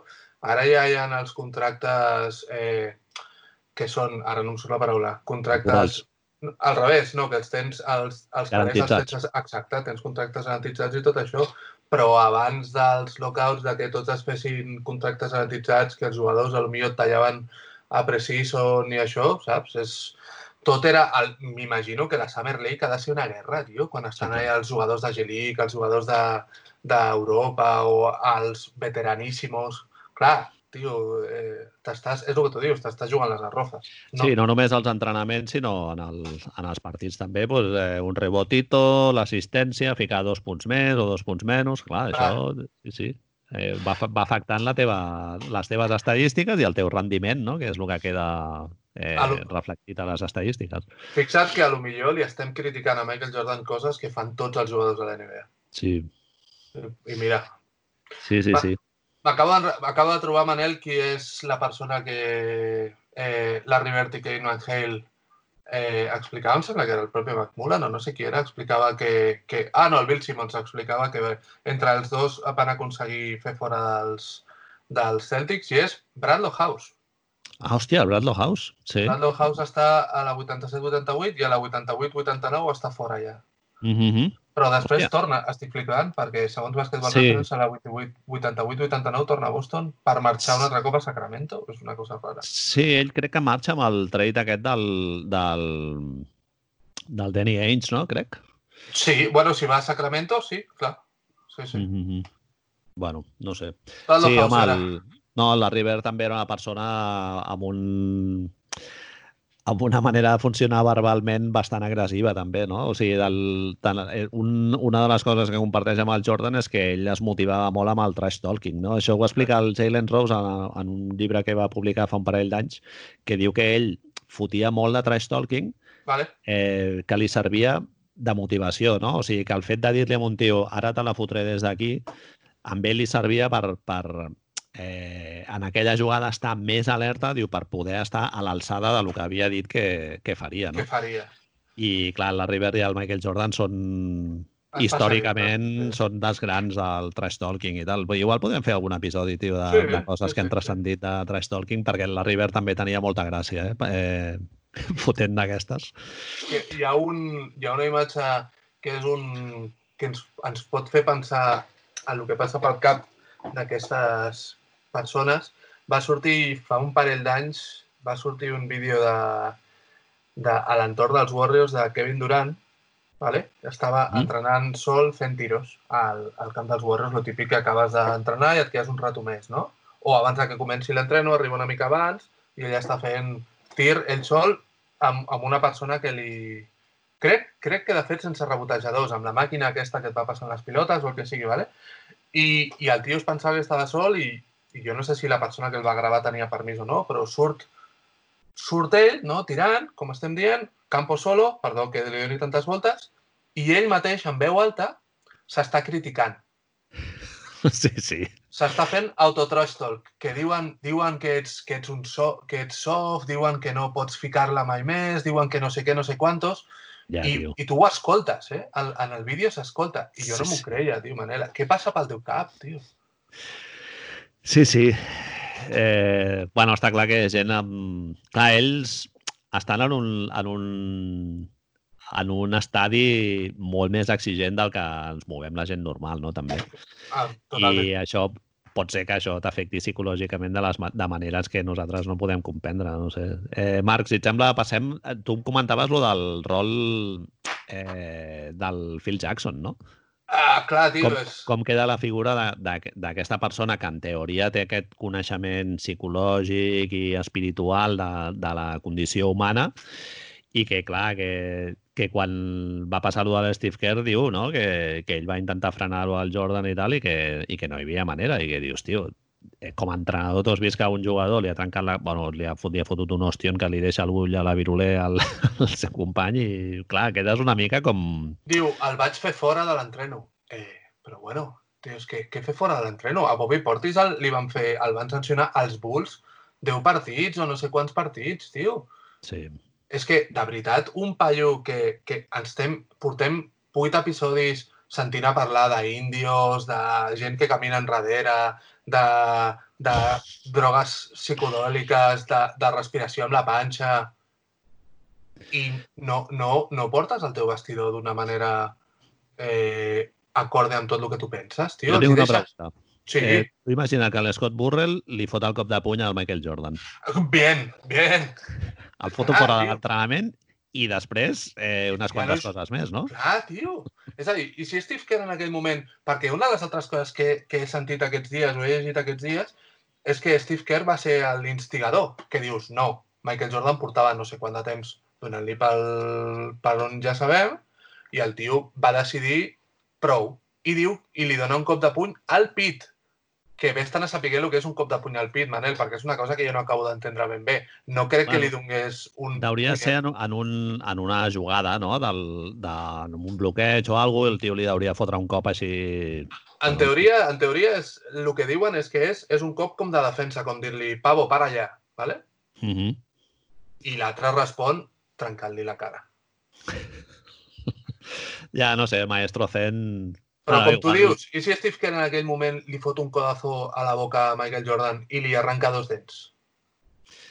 Sí, sí. Steve Kerr no està a la NBA ara mateix. Home, jo crec que les conseqüències haguessin sigut molt diferents. O, o, no, o hi ha una altra casuística que es podria haver donat, no? Un jugador que hagués agredit dos vegades a, a dos companys d'equip. Tu imagina que el Dennis Rodman el porten allà a Chicago i, el, i els dos primers mesos es baralla amb, amb dos companys i els, i els agradeix com això, com va fer amb el, amb el Perdiu, amb el Will Vanderbilt i amb el, i amb el Steve Kerr. Sí, sí. Eh, no sé, les conseqüències segur, segurament serien, serien pitjors, sí. Però llavors estem, estem una mica d'acord en que això de Maestro Zen, com Pau Gasol i Luke Longley està molt bé, però amb Kobe Bryant i Michael Jordan ja és una mica entrenador Sí. vanilla, no? El que, Home. Està per sota, està clar. La seva autoritat està per sota del, del, del seu jugador estrella, està clar. No? És, és molt heavy, tio, que t'hagin venut. És que és tot, eh? És tota la història que et venen al voltant de tot això. Mai s'expliquen una mica les, les arestes, no? És a dir, què, què feia Scottie Pippen en aquell moment, tio, quan estava mirant això? Ahir vaig, vaig estar... Manel, no em preguntis per què, en un moment que estava, estava mirant alguna de YouTube, vaig, vaig arribar a un vídeo, tio, on un paio parla de que unes declaracions del segon entrenador dels Bulls en aquella època, eh, Bach, es diu de cognom, no me'n recordo Sí. el nom, Uh -huh. on diu que Michael Jordan estava gelós de Scottie Pippen perquè Scottie Pippen tenia eh, moltes més, i perdó que faré el terme que fan servir ells, grupis, quan anaven per les ciutats, saps? Diu que estava molt gelós perquè Madonna li enviava una limusina, li enviava... De fet, diu que una limusina amb un jacuzzi darrere. I que, Bien. Michael, I que Michael Jordan estava gelós per certes condicions físiques que Scottie Pippen tenia. Una d'elles és ser más alto, la otra ja te la pots imaginar. Bien, ser más largo, no? Exacto. Horizontalmente, sí. Bueno, això ho vas explicar tu la setmana passada, no? La competició aquesta de, Del dels, dels nens, no? Sí. Que eren el Ron Harper, el Pippen i el Jordan, que van, es van com picar per veure quin dels seus fills la tenia més llarga. que, hòstia, ¿se puede ser más torrente? Sí, sí, tio, és, és com molt... És molt... Sí, molt... Tu em deies Eh, que t'havia fet molta, molta ràbia una cosa en concreta de la que parla Michael Jordan, que és la frase aquesta que diu... Com és? Sí, diu, diu, quan la gent vegi això, diu, diran... Bueno, el tio no era, no era un tio normal, no? Diu, era com un tirano. Diu, però això ets tu, perquè tu no has, no has guanyat res. I és en plan, tio, a veure, eh, no sé... bueno, és el que tornem al principi d'aquesta secció que dèiem, no? Del el fin justifica los medios, no? És en plan, Maquiavelo, tio. si, si, si no et portes així és perquè ets un loser i això, un soft i no sé quanto, i dius, bueno, tio, no? Bueno, el Gerard em preguntava, mira, avui l'hem mencionat molt, el Gerard, Sí. em feia una pregunta boníssima. Ell em deia si, si realment és imprescindible tenir aquesta mentalitat per, per guanyar títols i guanyar anells i tenir una carrera, una carrera exitosa en l'esport i, en el, i en el bàsquet, no? En aquest cas. Jo crec que no. Bueno, resulta que, com tu mateix em deies quan em preguntaves això, hi ha un equip que en els últims anys ha qüestionat, no ha arribat als seus nivells, però semblava que podia qüestionar la posició hegemònica d'aquests Bulls amb el panteó dels millors equips de la història i ho ha fet des d'una perspectiva totalment contrària, curiosament, amb amb Steve Kerr al mando, que són els Warriors de... Menxaflors, no? Sí, sí, sí. Són els Warriors amb, amb Stephen Curry al mando. I Stephen Curry és un noiet de bona família, super cristiano, que segurament tindrà els seus moments com tothom, però que de moment, de moment, no sabem eh, i no sabem si existeixen tots aquests episodis i com a mínim ell s'ha dedicat a cultivar una figura on predica totalment el contrari. i amb molt d'esforç i molt de treball al darrere, com, com hem vist per la progressió que ha tingut en, a, en la Lliga. No? A sobre, en dos, en dos facetes, que són el, el llançament exterior i el handle, diguéssim, que ne- necessiten molt d'esforç per qualsevol persona que hagi jugat a bàsquet ja ho sabrà. I fixa't amb, la, amb els paral·lelismes, perquè si ho penses fredament, Clay Thompson és una figura molt semblant a Scottie Pippen sense el, els creixement, sense el creixement xungo, saps? Però és, és la segona espasa perfecta, complementa a Curry amb tot el que li falla a ell, defensa molt bé, tira increïble, company que no obre la boca si no és necessari, fuma Mm. porros com el que más, saps? És a dir, Totalment. ho tenen tot. Ells, els Warriors d'aquesta època, em sem... a més, pel tipus de joc, vale, els Bulls d'aquella època jugaven també meravellós, eh? però predicaven, no sé, Stephen Curry, eh, Stephen Curry s'ha dedicat com a predicar una mica un altre tipus de comportament, no? És a dir, fins i tot tenir Kevin Durant allà, que va ser una mica aquest model més Michael Jordaisiano, van, van poder tirar endavant. Totalment, sí, un mo- un model molt més positiu, no? diguéssim. Sí. Tot i que bueno, també tenen un jugador que encaixa molt en el perfil sí, aquest Sí, sí, sí. més, Bully- més bronques, que és el, Draymond. el Draymond Green, no? Draymond ha Eh, tingut problemes amb tothom. Sí, a mi altres dues figures que, que m'encaixen amb aquest perfil de l'Stephen Curry o que almenys contrasten amb aquesta manera de funcionar del, del Jordan serien el Julius Irving i Magic Johnson, no? O sigui, són dos jugadors també que tenen fama d'haver sigut molt bons companys i, i no, no eren tios de fotre's en baralles. Al mateix temps eren tios que no s'aixantaven quan algú intentava trepitjar-los, però no sé, a veure, tampoc no... Jo el Julius Irving sí que he vist un documental fa poc i realment tots els companys en parlaven molt bé d'ell i tal, i inclús se, se li aixecava que era un tio no molt competitiu, no? Curiosament, clar, quan no coincideixen amb aquest perfil Black Mamba, Michael Jordan i tal, doncs eh, això, És- t'acusen de que podries haver guanyat més anells i tal si haguessis sigut d'una altra manera. Pues, tio, pues, tio El- és igual. Als americans els hi encanta aquest discurs de merda, tio, de eh, Kevin Garnett dient... Quan Kevin Garnett surt dient que es penedeix de no haver-se marxat de Minnesota abans, és a dir, d'un lloc que ell ha creat, bàsicament, és a dir, que ha fet seu, que ha fet que nens i nenes compressin les samarretes i anessin pel carrer i tothom volgués anar a veure la tele, a veure Minnesota, ell diu que es penedeix de no haver anat abans a una de les ciutats més racistes dels Estats Units, Ja. on, on, on després s'ha vist que els jugadors importen el més mínim i que l'únic que volen és a- exprimir-te com a títol, tio, tu això no ho saps veure i saps... Tenen aquesta idea de que el, el legado són els anillos. Sí, sí, ring culture. Bueno, perquè és, és una manera de mesurar l'èxit eh, d'un esportista de manera com incontestable, no? Diguéssim, però, però clar, aquí hi ha una altra cosa, Marc, que nosaltres també l'hem parlat moltes vegades, que estem parlant d'un esport d'equip. Fins a quin punt, sí. fins a quin punt tu pots responsabilitzar jo que sé, el Charles Barkley de que els seus equips no hagin guanyat mai un anell, tio. Correcte. No, o el Cal Malone o el John Stockton, tio. Digue'ls tu que no, que no eren tan bons com el Robert Horry, tio. Dius, tio, mm, no sé, a mi és una mentalitat... O això, o el Julius Irving, no? Segurament, si hagués sigut un fill de puta més competitiu, pues, tindria més anells, però la seva dimensió com a jugador jo crec que hem, has de fer l'esforç de, de evadir-te una mica d'aquesta aquest, mentalitat dels anellets i, i tot això i posar-lo en la seva mesura. No deixa, no deixa de ser significatiu que com a societat nosaltres com a part d'elles i, i els americans com a base més propera tinguin en ment aquests dos models de Kobe Bryant i Michael Jordan com els models satisfactoris de lo que ha de ser una persona esportivament. Mm -hmm. Perquè a lo millor com a persones eren meravelloses, però com, a, com el que dèiem abans com a companys, bueno, pues no ho sé, tio. Bueno, és el rotllo aquest de la Ayn Rand, de la meritocràcia, no? de, que, de que tu t'has de responsabilitzar dels teus fracassos i tal, que és una idea que segurament molta gent al barri de Salamanca es pensa que ells són més rics, perquè això ho llegia ahir a Twitter, no? que diu, los de Salamanca, del barri de Salamanca es pensen que són més rics perquè són més llestos que els altres, o que la Marta en deia, diu, o sí. perquè han treballat més. Clar, clar, clar, clar, clar. I clar, als Estats Units sembla que si ets pobre és perquè tu has buscat... I, bueno, això és l'anècdota famosa del Jordan, no? amb el, amb el pobre aquest que el Barclay li anava a donar diners i tal. Doncs pues clar, és, és això, és la meritocràcia aquesta de que tu ets el responsable del teu destí i que si t'esforces i tal, trobaràs camí. I dius, eh, a mi això em sembla una patranya, Marc. Eh, vamos. Objeto, senyoria. No, más protesto, no? Protesto, sí. Molt bé. No, el millor és que tu i jo som uns hippies eh, i oh, uns fumaporros i ens posem un disco de Miles Davis i, i seiem a llegir un llibre i, i clar, llavors som uns pagos, saps? Sí.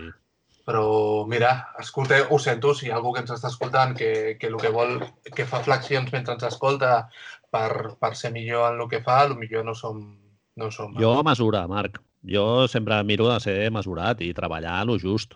Sí. No, no en excés.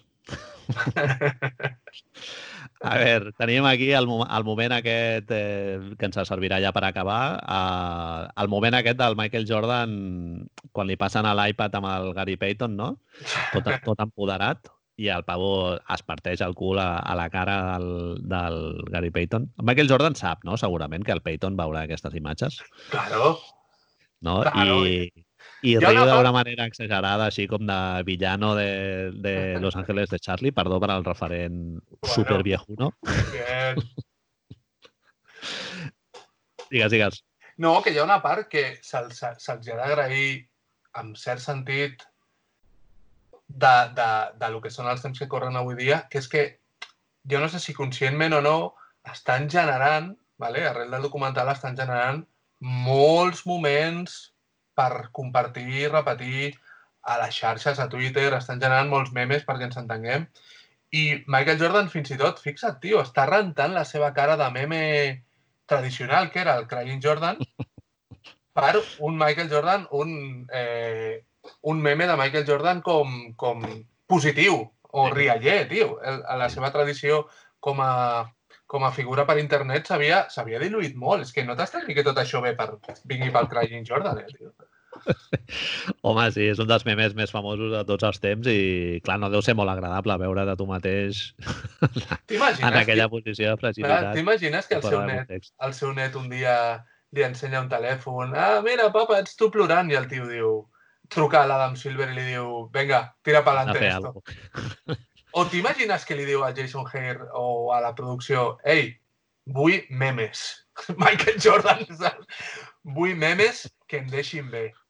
I... Bueno, això el Bartomeu segurament li podria donar algun consellet, no?, de com correcte, generar correcte. corrents d'opinió a xarxes i tal. Bien.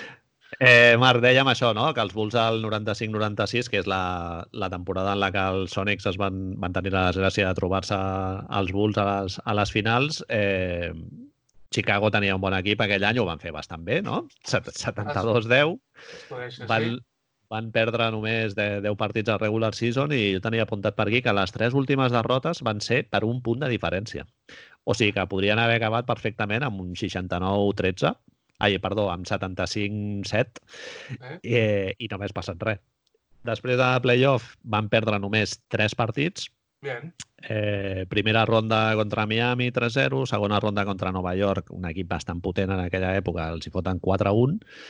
Contra l'Hores Gran 4-0, amb Orlando Magic. Pues... I, I a les finals, eh, contra Seattle, que és la sèrie de la que més se'n parla en l'episodi número 8, eh, acaben perdent, o sigui, acaben guanyant en 6 partits, 4-2. Molta polèmica perquè el George Hall decideix començar posant més èmfasi en l'atac que en la defensa, no? Sí. I això bueno, beneficia... És, és això beneficia... Exacte, el George Hall, sí. Eh, decideix posar més èmfasi en l'atac perquè es veu que el Gary Payton venia, estava una mica renqueante d'una lesió al, al passó i va pensar que si el posava a defensar sobre el Michael Jordan eh, patiria més en, en atac i no els hi arribaria. I, I quan Chicago es posa 3 a 0 decideixen fer un canvi desesperat i foten el Gary Payton a sobre del, del Michael Jordan amb el resultat de que guanyen, acaben guanyant dos partits en, en les sèries. Sí. Eh, si mirem les estadístiques de, dels quatre primers partits versus els tres últims, sí. no, perdó, dels tres primers versus els tres últims, eh, que són a Michael Jordan defensat per, eh, jo què sé, Hersey Hawkins o David Wingate versus els tres últims defensat per Gary Payton, les estadístiques són bastant diferents. I me les va. A ver, estamos hablando de que als primers partits, no? Els tres primers. 31 punts, 46% de field goals, 5 assistències, amb dos pèrdues, 58,7 de true shooting. De esos momentos Va... que dices, hostia, nen. Bastante potente, ¿no? Sí, sí, sí. sí. I bueno, i 3 a 0, clar, van guanyar els tres partits. Correcte, i te paso por delante. Exacte.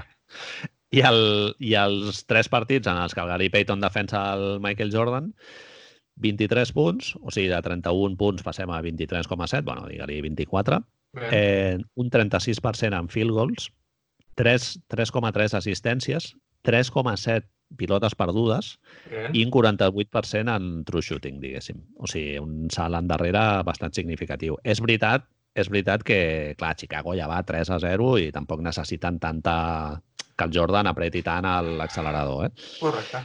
Però també els Sonics s'ha de dir que havien guanyat els Bulls a regular season i en, aquella, en aquell partit el, a Seattle el, el Peyton havia defensat Jordan i l'havia deixat amb 22 punts amb una sèrie de 6 de 19 en llançaments de camp. Només, entre cometes, eh? només 22 punts. bastant, bastant heavy, no sé. Eh... La, la, pregunta, la pregunta aquí... De què te ries, no, Damien? més enllà de... A mi eh, em sembla, Manel, més enllà de les actuacions de tot això, que són, sí, tremendes i tal, això és una de les altres coses que li trobo faltar una mica al documental, no? Estem parlant de, segurament, el millor equip de la història. Uh -huh. I passamos de puntillas. Sí, ¿sabes? Sí, sí. Que sí, que tot el que tu dius, que Gary Payton, que no sé quantos, que sí, que les finals, i molt bé. Però estem parlant d'un equip que perd 10 partits de 82, 3 d'aquests 10, com tu dius, per un marge d'un punt, que es fica a les finals, eh, hem dit que guanyant 7, 11... Sí, sí. Eh, Cap sèrie se'n va, se'n va a més de 6 partits, clar, sí, sí. I, i... A dos, dos sweeps Dos sweeps, la, una eliminatòria 4-1 i l'altra la final 4-2. Un gentleman i una, una dos partits. Que sí, que, que, que està clar que estem veient un documental, com dèiem al principi, de Life About Michael Jordan, però collons, aquí a lo millor s'hauria de parlar de fer d'algú més històric. És a dir, si els Warriors, els Warriors haguessin guanyat el, el títol l'any que el guanya Cleveland, pues ja no estaríem parlant de tot això, perquè el rècord s'hagués trencat i ja no seria, però és que no ningú l'ha trencat, aquest rècord. És a dir, sí, sí. màximos partits de regular season i guanyar la final només hi ha un equip que ho ha fet. Sí, sí. Eh, I què representa? No sabem... És això, tio, jo em quedo... Veiem tot això, que Gary Payton el pot frenar Michael Jordan a Rio, però no sabem res del que representa pel seu legat. Això, no? Per seu... És a dir, Michael Jordan dient... Li ha de representar alguna cosa, no? Ser el, el millor jugador de l'equip que més victòries a regular season ha fet a la Ja. història? Sí, eh, res. O sigui, això bueno, és el que dèiem del Kevin Durant, no? la sensació aquesta de buit quan guanyes, perquè ja contínuament has- t'has de posar un altre Has de continuar guanyant. esquer a davant, no? O sigui, has de començar a trobar un altre eh, objectiu pel qual motivar-te i tal, i és, és un cicle que no s'acaba mai, està clar. Sí, sí. Molt Però bueno, a mi el del Gary Payton em sembla una falta de respecte de la hòstia. O sigui, no sé, es podria dir que és el millor defensor exterior de la història, Marc. No sé, jo a l'Oscar Robertson no el vaig veure jugar, però Ja.